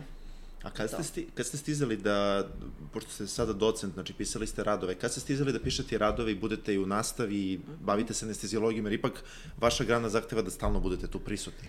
Pa upravo to, ja ne znam, ti radovi koje sam pisala upravo jesu proistekli iz rada. Uh mhm. -huh. Većinu stvari koje sam ja napisala se odnose direktno na ono što sam ja radila. To su baze podataka koje su kreirane ovaj, usput uh mhm. -huh. dok, dok se radilo ovaj, i um, nekako pa i jeste lepota posla u tome što možete da, da ovaj, na različitim ovaj, poljima se ostvarite. Um, nama možda nedostaje malo u odnosu na, na ovaj, institutske predmete, da kažem, uh -huh. vremena da se time ozbiljno pozabavimo, zato što um, biti nastavnik na kliničkom predmetu podrazumeva pre svega angažman u osnovnom oblasti kojim se bavite, da, recimo da, da. konkretno kod mene anestezijologija. Ja to nikad ne mogu zapostaviti zbog nastave, jer upravo iz toga što vi pružite na poslu proističe kvalitet koji će vas kvalifikovati da predajete to nekim mladim ljudima. Nikako ne mogu da, da ovaj, tu akademsku stranu posla potpunosti odvojim, niti treba da se u potpunosti odvoji od one profesionalne. E tu nam malo nedostaje zapravo vremena da sistematizujemo, ali to je jako puno, da kažem, uslovno rečeno preko vremenog rada, odnosno rada kod kuće. Mislim, vi kad dođete, tek onda čitate, čitate, čitate. Ne znam, svaki put žale se specializanti, nisam spremio za specijalistički ispit, nisam naučio sve to. A ja im kažem, pa tek počinje učenje sada. Mislim, čovek nikad ne prestaje da uči. Taman posla da kada završite jedan ispit, da ste potpuno ovaj, to stavili ad akta. Uh, to je najpogrešniji mogući sistem kada ljudi uče za ispit i kažu, e super, sad delete ovo što sam naučio, da, da se oslobodi mesto za nešto drugo. Ne, naprotiv, tu se tek otvara ovaj, riznica znanja iz koje ovaj, ćete se nadovezati u sledeći ispit i tako dalje. Tako da ovaj, puno se čita i dalje i uči se i dalje i mene je to i dalje izazovno da neke nove stvari istražujem, učim, čitam. Uh, radim radove, puno pomažu i mlađe kolege, naročito, e, mi smo stvarno, to, to smo ovaj, tokom ove pandemije, to je bilo jako teško, ja sam se pitala kako je moguće da će ovo liki podaci proći pored nas, a da mi ne možemo da to materializujemo, međutim, eto, upravo zahvaljujući tim mladim kolegama koje smo uspeli da motivišemo, pomogli su puno jer to je zametan posao da, da ovaj neko prikuplja podatke. Uh mhm. -huh. Uh, ali ovaj, uh, imamo velike baze podataka i sad ćemo tek ući u publikacije, nadam se, imamo vredne podatke, zato što smo imali serije velikog broja bolesnika koji se tiču COVID-a i hirurgije, koje se tiču COVID-a i gerijatrijske populacije. Eto, to, to me interesovalo, na primjer, ta moja ljubav iz mladosti, koju sam htjela da ispitam kako stari ljudi zapravo reaguju na, na ovakvo kritično stanje. Puno ovaj, ima još uvek neodgovorenih pitanja, mislim, i tu samo treba da se ima radoznalosti. Uh mhm. -huh. A ja recimo, eto, bavim se i studentskim ovaj, radom i mentorstvom studentima i baš... Uh, sa velikim zadovoljstvom neke od najzanimljivijih stvari koje smo uradili su upravo moji studenti bili ili inicijatori ili sam im ja samo dala ideju, a oni su obradili neke ove ovaj, teme koje su posle se materializovale kao njihovi diplomski radovi ili kao recimo neke prezentacije na kongresima uh, u zemlji ili u inostranstvu. A koliko je godina otprilike potrebno za anestezijologa da postane ovaj, onako samostalan u svom radu? To jest do, oko, otprilike oko koje godine, računajući da je u, u, ovaj, u roku završio fakultet i specializaciju. Da, pa da vam kažem, uh, danas smo prinuđeni, a i zapravo i ranije kako nije bilo anestezijologa, uh -huh. da mhm. jako rano osposobljavamo specijalizante anestezije na samostalan rad. I uh, ja sam imala prilike da vidim kako to i u svetu izgleda. E, naravno, vi uvek na specijalizaciji dok učite imate taj mentorski pristup da imate specijalistu koji je nadređen, koji nosi odgovornost, ali postoji odgovornost koja je i na specijalizantu. I recimo u Nemačkoj sam imala prilike da vidim da um, ceo operacioni blok praktično drže specijalizanti koji su na drugoj, trećoj, prvoj godini specijalizacije, uh. -huh. a da njih sve obilazi jedan specijalista koji uh, nadzire to što oni rade i gde oni zapravo, uh, tako što su u prilici da samostalno rade i to vrlo kompleksne operacije, čak i transplantacije jetre i tako dalje, mhm. uz nadzor specijaliste, uh, steknu i samopouznanje, steknu iskustvo uh, i ovaj, rutinu u nekom poslu. Um, s druge strane, postoje i neke druge zemlje gde sam takođe videla da je taj mentorski pristup bukvalno ono bdim na tobom kao orao, mislim, moja ruka na tvojoj ruci, ali to je potpuno posvećen mentorski pristup uh, specijalizantu koji zapravo za te tri ili četiri godine koliko ili pet koliko traje specijalizacija različita u raznim zemljama postane čim završi potpuno samostalan. Kada sam ja u pitanju i moje kolege, ja ne mogu da kažem, meni je bilo zaista najzanimljivije kad sam položila specijalistički ispit uh -huh. um, i dobila priliku da potpuno samostalno radim, jer uh, tad imate nekako puno, puno znanja koje sada tek treba da sistematizujete i prosto radoznalost vas vodi da isprobavate razne stvari. Mhm. Danas ću ovo, e sutra ću ono, e sad bih ovakvu anesteziju da ona ne uđe, jer anestezija može da bude jedna rutina i da se po da. istom obrazcu obavlja stalno, ali šteta kad ste već naučili toliko stvari, pa testirate farmakologiju, sad ću ovo, sad ću ono i tako dalje, sad ću ovu tehniku anestezije ili one, tako da ja sam već posle četiri godine specializacije radila samostalno. Naravno, i dan danas ja volim da pitam moje kolege starije, pa čak i mlađe kolege, to, to je sjajno kada možete u ovakvom poslu da i mlađe, mlađe kolegu pitate, jer već ima dovoljno iskustva da, ovaj, za neki savet, da vam se nađe. Ovaj, uh, I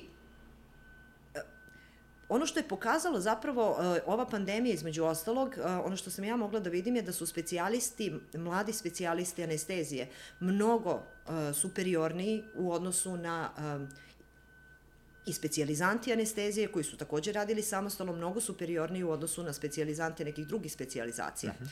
Ona je dosta manuelna, um, dosta ima veština koje moraju da se nauče, ali nije samo to, iza njih stoji neko znanje Uh, i uh, zaista da li je to do edukacije zapravo te postdiplomske, do činjenice da nas ima manje, odnosno specializanata anestezije manje, pa se može više posvetiti da neko nauči taj posao, do motivacije pri radu.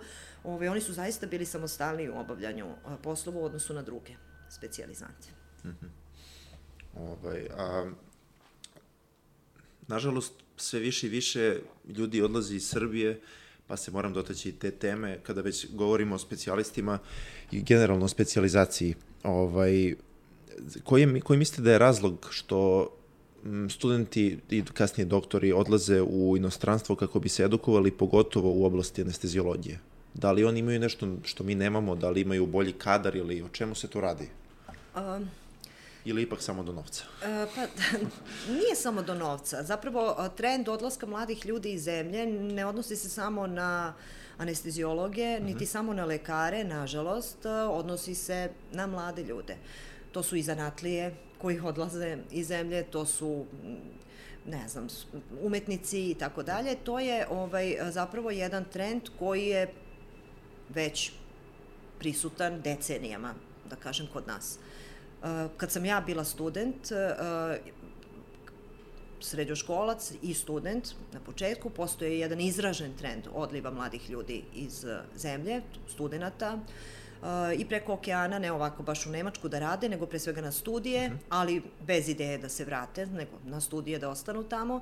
I meni je to bilo zaista teško, jako u to vreme, jer je puno i mojih prijatelja, pa i moji najbolji prijatelji iz gimnazije otišli su zbog nesigurne egzistencije ovde, na studije u inostranstvo. Uh, to je bilo vreme kada smo mi imali jako puno uh, izbeglica u svakom odeljenju, je bilo ljudi koji su izbegli iz uh, bivših jugoslovenskih republika i prosto da bi osigurali svoju egzistenciju oni su odlazili negde. Um, posle toga se taj trend, ne mogu da kažem da i ja nisam imala izazove i želju da u nekom trenutku odem, ali je ta želja, kako sam ja rasla, ovaj, i stasavalo ovde i, i um, videvši da se i ovde medicina može raditi vrlo lepo, um, tu želju zapravo uh, gubila i sada iako sam, na primer, kao roditelj isto ovaj, davala tu opciju uh mhm. -huh. svoje deci da možda oni odu negde i oni su to odbijali. A zapravo uh, velika je šteta uh, svako ima svoje lične motive. Ja ne mogu da osudim nekoga ko želi da ode, niti da kritikujem nekog što je rešio da ostane ovde. Da. Svi imamo svoje lične motive i za njih treba da stanemo i da se sa njima nosimo. Ja sam prosto lično nekako suviše ukorenjena na ovim prostorima. Ja suviše svoju stabilnost kao osoba, kao lekar, kao profesor, kao majka, nalazim u svojoj porodici, ali u onom najširem smislu, u svojim precima koji su ovde, mislim sad znam već 200-300 godina, na ovom podneblju živeli, radili, verovali u ovu zemlju i ja mislim da uh, se najbolje osjećam ovde. Iako sam imala prilike da boravim u inostranstvu kraće ili duže i bilo mi je jako lepo i tamo, najbolje se u svojoj koži osjećam ovde. Ali to je samo moj motiv, to mogu tako da kažem. Zašto odlaze lekari? Pre svega, uh, moram da kažem da a, jako dugo je bilo teško dobiti posao kod nas. A, I naravno da neko ko se školovao toliko, prvo ko želi da radi taj posao, drugo kao neko ko treba da ostvari svoju egzistenciju, a to apsolutno, mislim, je prva preporuka mladim ljudima da se čim pre ostvare i kao roditelji, i kao mhm. porodični ljudi, ako to žele, znači da ne čekaju idealan moment za ostvarivanje u, u tom smislu, materijalni moment, jer pitanje kada će taj moment doći uh, i da li je on presudan to je isto jedna od stvari koje kažem da je možda od najboljih stvari što sam uradila, što sam se rano realizovala kao roditelj i to mi je dalo dodatnu stabilnost i dodatnu motivaciju da uh, ronim po ovom svetu ovaj, medicine, mislim, tragajući pre svega za sigurnošću za svoju porodicu, a uh, s druge strane da, da se osetim stabilno kao, kao ličnost i kao profesionalac. Um, preporuka zapravo, odnosno zašto su mladi ljudi odlazili, zato što su nuđene, ovaj, ne, za, ne verujem da, da je um, sam posao nudi više tamo nego ovde. Činjenica da su ljudi koji su ovde dobili svu edukaciju, otišli i vrlo uspešno rade tamo posao i vrlo su prihvaćeni. Ali isto tako činjenica da oni odlaze uh, u Nemačku i da su vrlo traženi tamo, uh, da rade taj posao, treba da postavi pitanja zbog čega ih u Nemačkoj nema dovoljno. Mislim, uh, generalno medicina prolazi kroz um, jedan turbulentan period svuda u svetu. S jedne strane to postaje negde biznis, a s druge strane mnogi ljudi uh, nisu spremni da ulože toliko puno ličnog vremena, energije, angažovanja, truda, učenja. Jer znate, vi kad radite sa, sa ljudima, um, pogotovo u oblastima kao što je anestezijologija, hirura, bilo koji posao koji radite s ljudima, vi nikada više niste samo svoji kakve god granice da postavite, znate. Da. Evo ja sam sad ovde i meni je divno što razgovaram sa vama. Um, subota je, neradan dan, ali meni u glavi i dalje su moji pacijenti koje sam juče ovaj, imala prilike da, da, da dam anesteziju i da ovaj, ih ostavim, ne baš potpuno zbrinute i m, ja ću sada kad završim ovo, blizu mi je otići da ih obiđem, da mhm. vidim kako to izgleda. Nikad vaš prostor više nije samo vaš. E, verovatno zato i jedan Nemac ne želi to više da radi, ovaj, jer i očekivanja modernog čoveka su uh, drugačija, on kaže, nema novca koji to meni može da plati. Mislim, zašto bih ja da. onda to radio kada mogu da budem IT stručnjak i da zaradim sa mnogo manje privatnog ličnog angažmana ovaj, uh, ne kažem, to je isto izvanredno kreativan posao, zahteva mnogo znanja, da, da, edukacije da, da. i tako dalje, ali hoću da kažem, psihološki angažman je mnogo manji nego što je uh, posao neko ko radi sa ljudima. Eto, to je ovaj, a, uh, svako zna šta je njegova motivacija. Znači, bajka ne postoji, to ja bi citirala mog profesora anestezije mhm. koji je stalno govorio život nije bajka, kada hoće da nam ukaže na naša nerealna očekivanja ili na nešto što mi očekujemo pa se ne realizuje, ako pođete s tim da život nije bajka i da se neka treba i sa realnom pričom uhvatiti u koštac, onda možda ovaj, e, ljudi lakše donesu odluku da li da ostanu ili da, da odu. Da. A da li bi uh, rekli da su u inostranstvu, pošto ste sarađivali, pričali ste, jeste bili još negde, osim u Finskoj ili... Ma ne, pa dobro, od Finske je bila ovaj, samo predavnje, bila sam uh -huh. u mhm. Italiji, recimo na jednoj vrlo um, značajnoj edukaciji za mene, za one, recimo da kažem, temelj, ka, odnosno kamen temeljac moje mhm, karijere, mhm. mislim, taj boravak ovaj, u Italiji, to je razmera Ministarstva zdravlja Italije i Srbije i mhm. tamo sam imala priliku da budem u jednom referentnom centru za zbrinjavanje teške respiratorne insuficijencije, upravo ovo što se dešavalo kod COVID-a, ali to je bilo mnogo pre COVID-a u Milanu, odnosno u Monci kod Milana. to je projekat koji su tamo profesor Penzenti, italijan, ovaj, i profesor Kambumaširević, moja profesorka i mentorka, oni su ovaj, to pokrenuli i to je toliko korisno bilo sa više osnova za mene, znači boravak tamo i život tamo. Uh, I ne samo što sam naučila puno i što mi je to promenilo onako um, mindset, da kažem, jer to mhm. kod nas nisam na taj način posmatrala stvari, počevo od organizacije ovaj, rada u intenzivnoj, do, do nekih procedura po, u mehaničkoj ventilaciji. Znači, puno sam naučila. Druga stvar, napravili smo konekcije sa tim kolegama iz inostranstva koji su stvarno izuzetno značajne. Oni su posle toga ne znam, bili moje komisija za doktorat, ovaj, ja sam eto zbog njih radila doktorat na engleskom jeziku, mislim zbog uh, toga, jer mi je bilo jako stalo da ti ljudi koji mhm. su moji profesionalni uzori uh, dođu ovde i ocene moj rad, a onda posle toga ovaj, uh, puno nam je značilo i ovako privatno, ne, privatno profesionalno, saveti vezani za, znači vrlo neformalni komunikacije vezano za ovu pandemiju, šta biste vi uradili, kako biste vi u ovoj situaciji uradili i tako dalje. Kako gledam, to, tamo edukacija je drugačija malo nego kod nas, ta postdiplomska.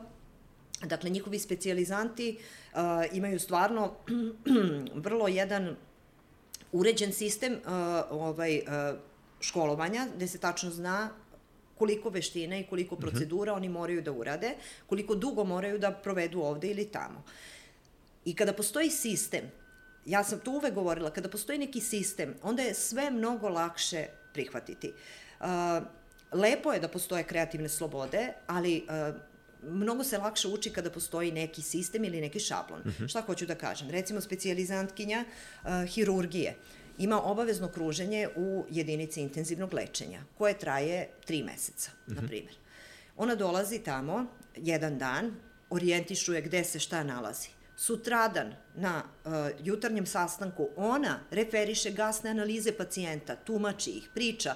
Znači, ona je ušla potpuno u šablon kako to treba da se radi i shvata zašto te, iako se ona kao hirurg neće baviti uh, zbrinjavanjem da, da, kritično bolesnih, tu ima hiruških bolesnika, ona mora da ima znanje o tome, ali kad uđe u jedan, jednu šemu šta i kako treba da radi, oni imaju puno sati dežurstava, ostaju preko vremena, to su uvek korisne sati jer ste tu u, u jednom malom timu ili, ili samostalno radite uh mhm. -huh. neke stvari i iskustvo koje se tu stekne je neprocenjivo.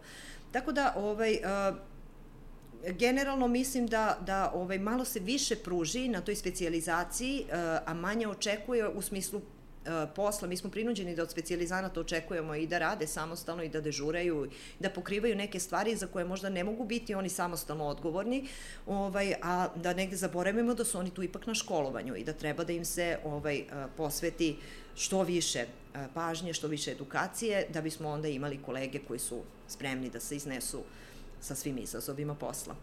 A pošto medicina generalno svake države zavisi dosta od financija same države i koliko ovaj budžeta ministarstva zdravlja ima, um, znam recimo da iz hirurgije da su nam često pričali da se uh, mnogo transplantacija, transplantacija ovde ne radi, iz različitih razloga, recimo prvo nemamo edukovan kadar za to jer i to košta, treba yes. da idu na specializacije i sve to. Ovaj, kakva je situacija sa anestezijologijom? Da li manjkamo za ostatkom sveta? Da li ima neke procedura, nekih procedura koje se rade u ostatku sveta ovde ne, zbog smanjenog budžeta, needukovanog kadra ili...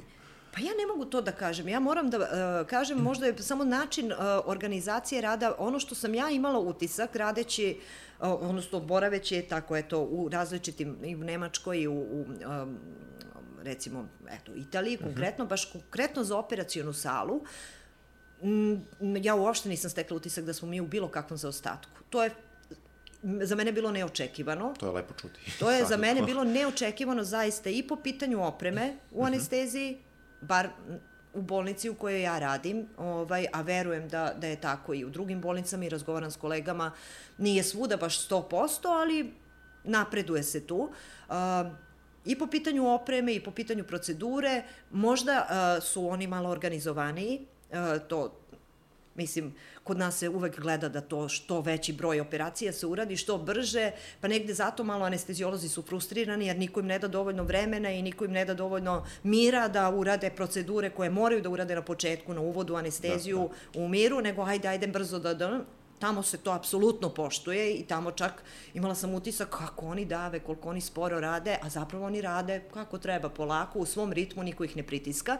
I ne mogu da kažem da su oni ovaj, u nekoj velikoj prednosti u odnosu na nas što se toga tiče. Kada je u pitanju intenzivna medicina, rekla bih da da tu jeste, da tu postoji mhm. ovaj možda uh, neka prednost uh, i u smislu tehničke opremljenosti, ali pre svega u smislu uh, organizacije tih jedinica, kadra, edukacije ne samo lekara, nego i sestara, to je jako bitno s kim radite. Tu je mnogo, mnogo važno to da postoji ceo jedan sistem, ali vre, ima vremena, to, to se da popraviti i lepo je i kad ste pionir u tako nečemu da nešto novo donesete i kod da. nas.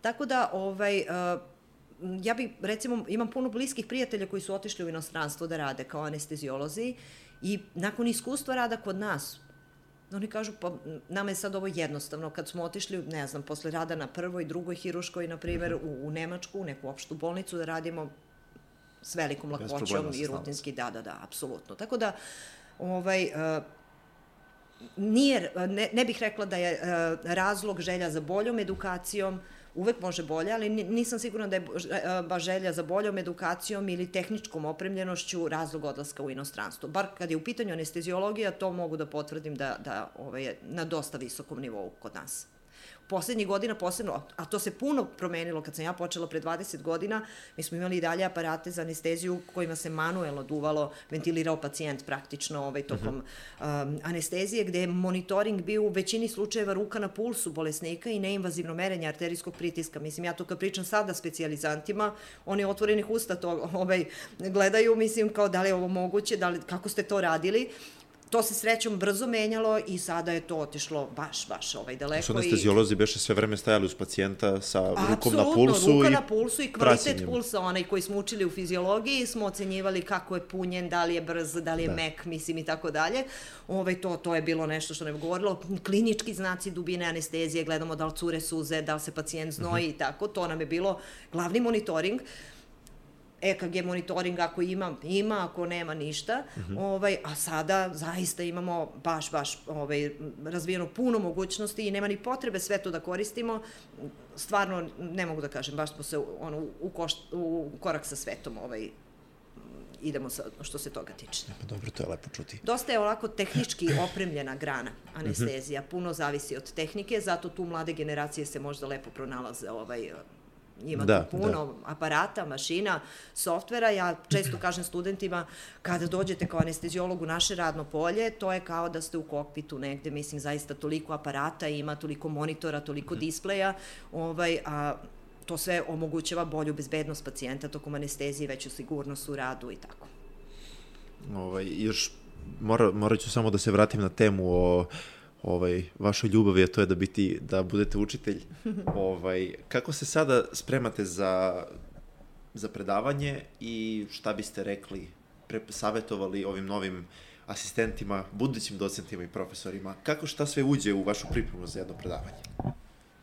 Um, Pa pre svega u tu pripremu za moje predavanje ušla su moje preslišavanja tokom studija medicine. Dakle, ja sam, ovaj, uh, kako sam uvijek želela da budem učiteljica, uh, sad će moja čerka da kaže, mama, nećeš to valjda da kažeš, mislim, ti si stvarno debil.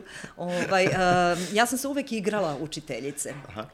I tako mi je nekako bilo lakše, uh, a to, to nije bilo samo moja uh, specijalnost, nego eto i moja ovaj, dobra prijateljica je sada koleginica i kuma, ona je isto tako, kad smo imali dosadne predmete da učimo, koji su nam bili ono, ono, ko će ovo sada, uh mhm. -huh. onda smo to kao zajedno učile. Ali smo zajedno učile, svaka kao za sebe i svaka ima svoje đake i onda kao jedna drugoj predajemo. I ja sam bukvalno na taj uh, sistem preslišavanja koji je trajao od osnovne škole uh, preko fakulteta, Danas moje deca imaju table zalepljene po vratima svojih soba, a ja imam, ja sam lepila neke papire i tu sam kao na tabli pisala. Mhm. Pa sam imala i dnevnik gde ja upišem čas, a to je ono što sam tog dana... potpuno ceo sam simulirala. Sistem. Nije ne samo to, nego sam i sebe ocenjivala i kritikovala sebe sledeći put da naučiš ovo ili ono i tako dalje. A zapravo to sve ima smisla, jer kada se vi preslišavate i kad napravite scenografiju jednog predavanja, kroz to svoje preslišavanje, vi čujete sebe, prvo kako uh mhm. -huh. nešto izgovarate vi vodite računa o tome da ta rečenica bude precizna, da ta rečenica obuhvati, da bude tačna uh -huh. uh, i da obuhvati sve što treba da obuhvati. Uh, I na kraju krajeva čujete i gde su vam manjkavosti neke u radu i onda se vratite da to malo ponovite i da to malo utvrdite. S druge strane, kada se obraćate nekoj virtuelnoj grupi, mislim, vi onda praktično gubite tremu. Ja sam na sve ispite išla potpuno bez ikakve treme. Zaista, meni je to bio razgovor s profesorom. I, um, čak nije mi bilo potrebno ni koncept onaj da pišem, ni... I vrlo često, mislim, to možda ne treba ni pričati kao savjet studentima, ali zato sam rekla bazične nauke naučiti. Uh mhm. -huh. Kada kasnije nešto baš niste naučili, niste prešli sve, ako imate dovoljno iskustva sa prethodnim preslišavanjem bazičnih predmeta, vi ćete moći na tu temu da napravite priču koja će delovati uverljivo i koja je, um, koja je ovaj, um, kako da kažem, stoji, ovaj, iza koje možete da stanete i koja je tačna. I ako baš niste naučili do detalja najnovije uh, ovaj, ono što, što piše u knjizi iz te oblasti. Ne mora se naučiti knjiga od korice do korice. Morate da napravite sintezu prethodnih zdanja, to je veći kunst, veća umetnost nego, nego uraditi samo, uh, naučiti sve i reprodukovati sve.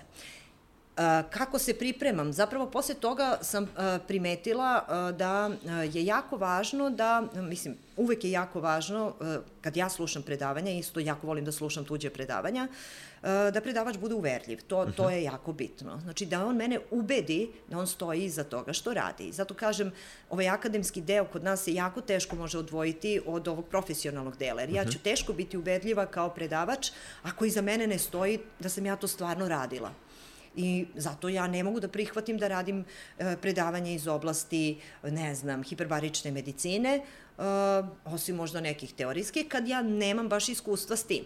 Da. Ali ovaj, e, zato možemo na razne ove teme. Drugo, jako je bitno da u, u da biste bili još uverljiviji za svoje slušalce, da podelite i lično iskustvo, da date primer iz kliničke prakse ovaj, iza koga stojite, koji možete dobro da objasnite. To se nekako uvek najlakše zalepi, ovaj, primetila sam i na, za mene kada čujem i kad napravite, morate voditi računa o dinamici predavanja, uh, I sada to za mene više nije, ja sad predavanja napravim za, mislim, sat vremena, to, uh mhm. -huh. to je ovaj, kad traje sat vremena, mislim sa sve slajdovima, ali mi je uvek, uvek mi je zadovoljstvo i uživanje taj put od praznog ono PowerPoint slajda jednog, da. prvog, do finalnog, predava, do finalnog slajda, znači put koji pređete, ja nekako dok pravim to predavanje zamišljam kao da ja sedim u publici i da ja slušam nekog drugog koji to priča, pa eto šta bi ja volila da čujem i jako je bitno da se izvuku neke suštine i neke važne stvari, ali ne samo to, ne može čovek naučiti na predavanjima, bitno je da predavanje inspiriše, mm -hmm. da vam upali neku lampicu, da se zapitate zašto je nešto ovako, da vas ponuka da uzmete posle da pročitate nešto ili istražite nešto na tu temu. Ja mnogo puta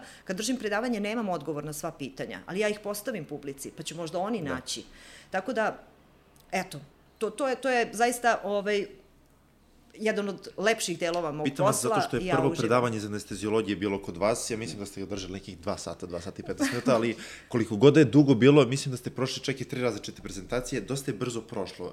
Predavanje da. je bilo interesantno, dinamično, preko prezentacija ste pokazivali interesantne slike, pričali nam slučajeve, da. to sve nekako uklopilo i, i proletelo vreme. Zato vas pitam, zato što ste zaista lepo prezentaciju onako To je vrlo brza bila, tada. ali malo je nezahvalno to tako kod vas stavljeno anesteziju u pet nedelja, pa sad kao aj cela anestezija kao za da, ovaj, sa, 45 minuta ili sat i po vremena, to je vrlo teško, ovaj, ali um, kako da kažem, to je bitno samo da nekog za nešto zainteresujete, ako ništa drugo. Uvek mhm. imate vremensku limitaciju kod predavanja. Najgora stvar mi je kad predavač prekorači jako. Mi zapravo imamo predavanje i seminar koji su dva sata, treba da traju mhm. zajedno, ovaj, što je puno, previše to da bude spojeno, ali kad znate, imate limit 20 minuta za predavanje, nekoga drži 40, to je nepristojno, mislim kako god da, to da, je, da. ovaj, ne volim to tako da izgleda.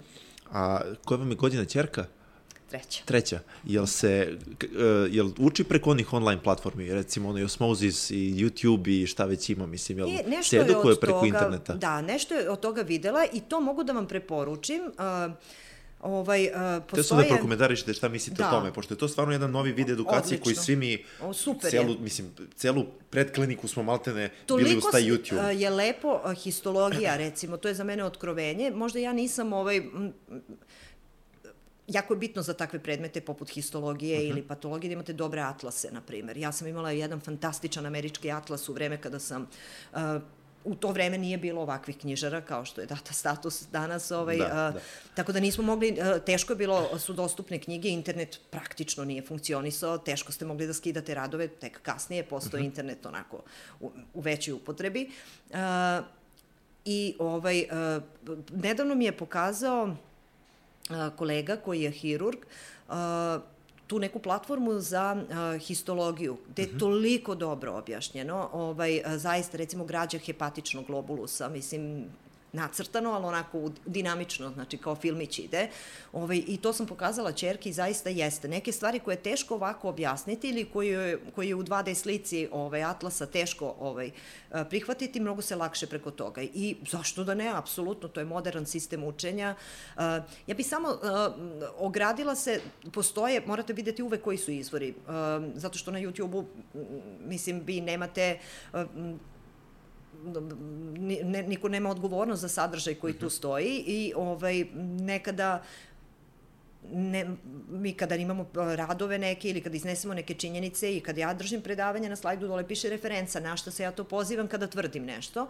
E, isto tako i ovde mo, samo to morate malo da uzmete sa rezervom, ali ovaj, većina tih sadržaja je sjajna i ja to apsolutno podržavam. I meni se sviđa, ja sam recimo videla kako je filmić jedan za uh, koji je napravljen za sve zdravstvene radnike, pa i za opštu javnost, uh -huh. uh, obrazom prepoznavanju sepse.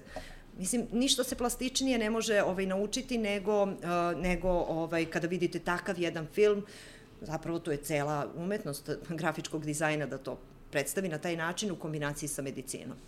Uh, meni se dopalo zato što su pojedini profesori krenuli zapravo da implementuju te... Sjajno uh, je to. Taj, taj video materijal sa tih ovaj, YouTube sajtova, što mi se skroz sviđa, zato što ipak svi mi, evo uključujući mene, mislim da smo krenuli ta neka ide koja, ja sam 99. znači recimo od 97. 8. sa te predklinike smo već krenuli stvarno dosta da učimo sa, sa, sa YouTube-a. Ima tih nekoliko sajtova koji su odlično, odlično određeni, i te nekih ovaj, godišnjih kao pretplata, ali to su već skupe, oko 150-200 evra je ta godišnja pretplata, dobija se potpuno ceo da. Ovaj, video materijal za prve tri godine, jel te, predklinika ali su odlično odrađene, imaju super uh, te kratke kao uh, skripte i spise kako brže doći do nekog Apsolutno znanja, to podržavam. fenomenalni su. Apsolutno fenomenalni. to podržavam, to je odlično urađeno, mislim nisam sve videla naravno, uh mhm. -huh. ali ovo što sam ja recimo i što je meni bilo potrebno, savršeno. Savršeno i postoje čak i za, ne samo za prekliničke predmete, postoje da, da, i da, za naravno, naravno. usko specijalističke stvari. To je, to je sve, ovaj, naravno postoje knjige, ja daleko od toga, najgore su mi varijante onih starinskih slajdova gde je ono, morate lupu da uzmete tekst da pročitate, znate, da, to, to da, i kao da, čitanje da, da. sa slajdova, to, to najgori način da neko nešto nauči. Ovo je izuzetno. Teško je to napraviti, mislim, tu morate da budete vešti crtanju i, mislim, to ceo tim je potrebno programiranju za to, naravno, i ceo tim da. treba za to, ali kad se dobro uradi, to je, to je fantastično. Mnogo se lako pamte stvari, lepe, lako se osvežavaju uh mhm. -huh. znanja koje imate na taj način. Možete samo kao repetitorijum to da uzmete i to je, to je sjajno. Priprema za neke testove, dalje... ako budete i dalje polagali testove, znate, za USMLE ili za ne, neku da, drugu, da. ovaj, to, to je odlično, to, to je baš po tome i rađeno. A je li dalje obnavljate neke pretkliničke predmete ili se da, setite sada ovako? Kako da ne? Da, da, da. Mislim, znate šta, zbog Osim prirode posla... Osim fiziologije koju volite da čitate, to... Pa, i koja mi treba. da, da, znate, da, treba mi za neko objašnjenje. Farmakologija koja mi takođe treba uh -huh. za razna kliničko e, nekako imam utisak da farmakologija u vreme kad sam je ja učila m, nije bio baš najbolji način uh, Znate, do nekih stvari dođete tek kad počnete da se bavite klinikom, uh, ovaj, da, da shvatite da vam nije možda, da niste shvatili poentu tog predmeta dok ste ga učili kao teorijski ili predklinički predmet. Da. I tu je negde razlika u edukaciji u inostranstvu i kod nas. Vi ste verovatno videli, ja sam tu kupovala posle toga, čak i kad sam demonstrator bila, uh, knjige neke sa testovima iz anatomije. Uh mhm. -huh. Ti testovi nisu ni slučajno, prislišajmo se koliko ima grana ovo, gde su račvanja ova ili ona ili tako, nego su to klinički predmeti motociklista je pao, ne znam, na rentgenu se vidi ovo, polomio šta može da se očekuje, pa onda vas provede kroz funkcije mišića i tako dalje. To su, uh, ja sam se to trudila, vidim da kod nas inače studenti nisu baš voljni da na taj način uče, a to je mnogo bitno. I to sam primetila, na primer, um, na specijalističkoj nastavi, uh, moj ovaj, kolega, moj šef uh, i ja vodimo uh, kolokvijum iz intenzivne medicine. Uh mhm. -huh. Pravimo test zapravo za to, posle koga se polaže usmeno. I moja ideja je bila, pošto je to vrlo praktična stvar, da, da napravimo test koji će biti po tipu kliničkih vinjeta. Dakle, počnemo s pacijentom i njegovim problemom, njegovom kliničkom situacijom, damo parametre i tako dalje i onda šta biste vi sad prvo uradili i damo četiri ponuđena odgovora. Mm -hmm. I naravno da kao i kad svaki test pravite, to uopšte nije lako napraviti takav test, to, to moram da vam kažem, to i nama manjka edukacije za to, recimo da, profesorima, da. To, to je ta pedagogija koju nas niko nije ovaj, učio, uh, a koja je bitna čak i za rad sa studentima, ne samo u školi. Uh, na koji način pravilno uraditi test. Pa smo se i za to nešto edukovali. Uvek date jedan odgovor koji je ono, znači, zdrav razum odbacuje. Da. Ovaj, uvek date jedan odgovor koji e, može da povuče da jeste, a zapravo nije i onda ima dva koja između kojih, kada je samo jedan tačan, dva između kojih će neko ko je spremao tu materiju da se razmisli. I sve ide po tom sistemu. Pa onda u sledećem pitanju, taj isti pacijent iz te vinjete, da idemo dalje, sada on odradi ovo, renge, na primer, ili ultrazvuk, na ultrazvuku se vidi to i to, i tako dalje, šta je sad vaš sledeći korak? Pa onda pristigla laboratorija, I tako, šta ćete sad uraditi? I vi praktično kroz jedan klinički slučaj imate pet pitanja na kolokvijumu koje su rešena i koje će vam pokazati da li taj neko zaista, jer vi ne možete na testu praktične veštine i znanja testirati, ali vidjet ćete da li je taj neko orijentisan. Uh mhm. -huh. Mnogo su se bunili. O, mislim, veliki otpor je bio o, među kolegama. Lakše, kažu, mi nismo navikli da to tako radimo. Mnogo je lakše da, mislim, prihvatljivije im je bilo da se da pitanje, ne znam ovaj antibiotik m, ima takav i takav spektar, pa sad pod A, B, C i D. Da, Mislim da. da se ono iz knjige reprodukuje i da se zaokruži. Ali nekako uh, shvatite uh, moj sistem je bio da čak kažem, evo u redu, ja vam neću pregledati, vi sami pregledajte, pa ćete uh mhm. -huh. videti gde se nalazite, nemojte samo prepisivati, nego ajde probno da uradimo, da svi ovo uradite, a ovaj, onda ćemo da prođemo zajedno ta pitanja, ja ću vam govoriti ili ćemo diskutovati. I to je fantastično, tu se otvori, nama to pregledanje tog testa traje duže nego test. Test traje recimo 45 minuta, onda sat i po se posle zadržimo jer diskutujemo. Da. I to, to je mnogo važno. Onda shvate ljudi da i u diskusiji mogu da nauče ovaj puno. I ja to isto smatram da studenti na ispitu treba da nauči puno, a često i ja naučim od studenta. Prikazi slučajeva su stvarno fenomenalni. Ja sam se prvi put tada susreo kada sam na drugoj godini, ja mislim, da, baš je bio COVID, ja sam tada bio druge godine, drugi semestar, i ono, kući sam bio, listao sam YouTube i rekao, ajde da vidim kako izgleda ovaj USMLE Step 1 za pretkrvniku. I kad sam uzeo to, kad sam ja video, jako ja nisam imao patologiju, patofiziju, još to je tek na trećoj da, da. godini, ovaj, kad sam video kako zapravo izgleda jedan, jedan prikaz slučaja sa našim, sa, ovaj, sa time da mi treba da odgovorimo na pitanje da. i da sklopimo celo znanje koje imamo do, iz do, do tadašnje medicine, stvarno sam video koliko su naši, koliko naši testovi manjkaju zapravo u tom nekom pogledu naše edukacije, jer mi na, na, testo odemo, odradimo ta pitanja i odemo kući, to je to. Yes. Ali iz ovih testova se uči, zapravo se uči, ta pitanja ostaju ti slučajevi u glavi. Apsolutno, ja to mislim da je mnogo, mnogo važno. Uh, ja sam isto, sećam se, imala dosta tih knjiga za USMLE i razmišljala sam o tome da, da ovaj, mhm. to uzmem pred kraj uh, fakulteta, jer to mi je bilo neka opcija da eventualno ako bi otišla, išla bi u svrhe edukacije tamo. Da. I Uh, verujte, kada dođete do kliničkih predmeta, kad ste već polagali kliničke predmete, pa kad onda uzmete te predkliničke, po tom principu, mnogo je teško. Mnogo je teško za nas koji uopšte nismo naučeni tako da razmišljamo i zato bih ja volala da se to promeni, jer to je svrha, to je poenta zapravo medicine.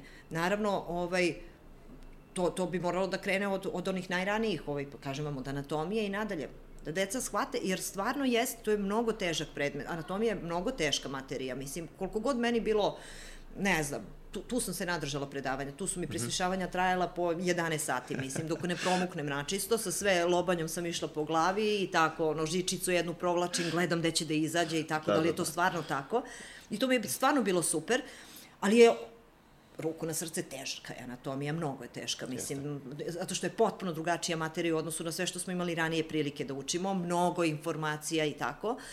Uh, i mislim da bi je oplemenilo jako da se dovede u dodir sa klinikom.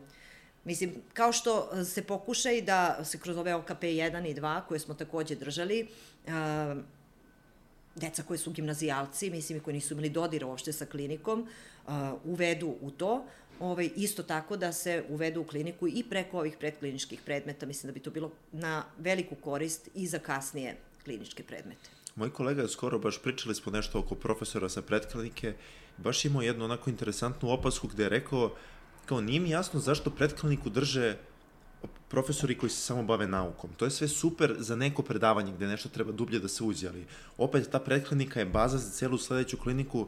Zašto ljudi se klinike ne drže to? Opet će nam nekako praktičnije i bliže objasniti neke stvari. To je sve, ovaj, ima, ima mesto taj argument, ali opet ja bih to nekako čak i podelio. Lepo je da se čuje od anatoma koji se bavi Jest. time ceo život, kako priča o tome, Jest. ali opet bih ubacio još neki taj klinički aspekt svega toga, upravo malo pre što ste spomenuli Arkus, šta, da, šta da, se, da, do čega dolazi kod preloma šake. Ali što oni jesu neke, o, oni jesu, o, mnogi od njih jesu kliničari, mhm. odnosno ne rade baš u klinici, ali imaju neke i specializacije i mislim da, ne znam da li plan i program takav da ih limitira, ali mo, mislim da bi to bilo zaista veliko osveženje kada bi se na takvom da, nekom predmetu da. ovaj, uh, ubacilo praktično, pazite, vi imate i na medicini e, studente koji su determinisani od početka da se bave naukom i da se bave predkliničkom naukom i to je legitimno takođe, ali to sve ima svrhu jer medicina je primenjena nauka, mislim, to bez da, rada sa da. pacijentima to zaista nema mnogo smisla. Dobro, polako se približavamo kraju još, evo, pitao bih vas samo ovaj, koji neki savjet ima za, imate za sadašnje studente, buduće studente, specializante, šta biste im, šta biste ih posavjetovali? Vrlo je teško ovaj, eh, dati jedan univerzalni savet, mislim, u trenutku u kom živimo, na mestu na kome živimo, um, ali ono što sam već puno puta pocrtala do sada, dakle, uh, radite sa strašću sve što radite. O, a ovaj posao, to će vam se više struko vratiti ako ga na taj način radite. Uh, I... Mm, znanje je jedina stvar koju vam niko ne može oduzeti. Kakva god teška vremena da dođu i gde god da se nađete, e, znanje je ono čime vi raspolažete. Možda će vam se učiniti u nekom trenutku da to nije dovoljno vrednovano u nekom sistemu vrednosti, uh, nemojte da vas to obeshrabri, ipak će ono naći svoje mesto. Ja sam ubeđena da se sve dešava s nekim razlogom i u nekim krugovima, iako vam u ovom trenutku možda se čini da ste na neki način nepravedno um, zapostavljeni ili da niste dovoljno cenjeni, doći će trenutak kada ćete naći svoje mesto i to, to zaista treba da imate samo malo više životnog iskustva, vrlo brzo se to dođe na svoje. Znači, nemojte nikada vam bude žao zato što ste nešto naučili, jer je znanje jedan kapital koji, nažalost, mislim, e, mnogi, mnogi ovaj, mogu da se trude, ali da ga nemaju, znači tako da ovaj, to što će neko zaraditi puno uh, na ovaj ili na onaj način nikako ne treba da bude nešto čemu vrhunski treba da težite, već da -hmm. znate. Drugo, negujte svoje hobije, to sam već rekla, znači nije ni ovaj posao sve što postoji na svetu, iako nam on uzima puno vremena, jako je bitno da kada najđemo na neke krizne momente imamo ovaj, čemu da se okrenemo i da uživamo i u tome i da ih takođe radimo sa strašću. Družite se, to je isto moj savet, mislim to je jako bitno da imate prijatelje i među kolegama jednog dana kad budete radili, mnogo je lakše kad ste okruženi prijateljima i radite u jednoj harmoničnoj sredini, mislim, i kada imate kolege s godine ili starije ili mlađe sa kojima se družite, ovaj, onda imate i više poverenja da razmenite i savete i da, da prihvatite savet od uh, nekog kolege. Uh, I ja bih volila da ostanete ovde u što većem broju, jer mislim vi ste budućnost ove zemlje i jednog dana i mene neko treba da leči, mislim, a ja ću imati puno poverenja u vas. E pa hvala vam lepo, baš ste lepo ovaj, rekli to. Dragi slušalci, dragi gledalci, hvala vama što ste se uključili. Ovaj, ovo je bio kraj uh, druge epizode podcasta sa anestezijologom, doktorkom Jelenom Veličković. Hvala vam još jednom i eto, za kraj bih vam rekao samo da radite, učite i da se volite. To je to. Prijatno.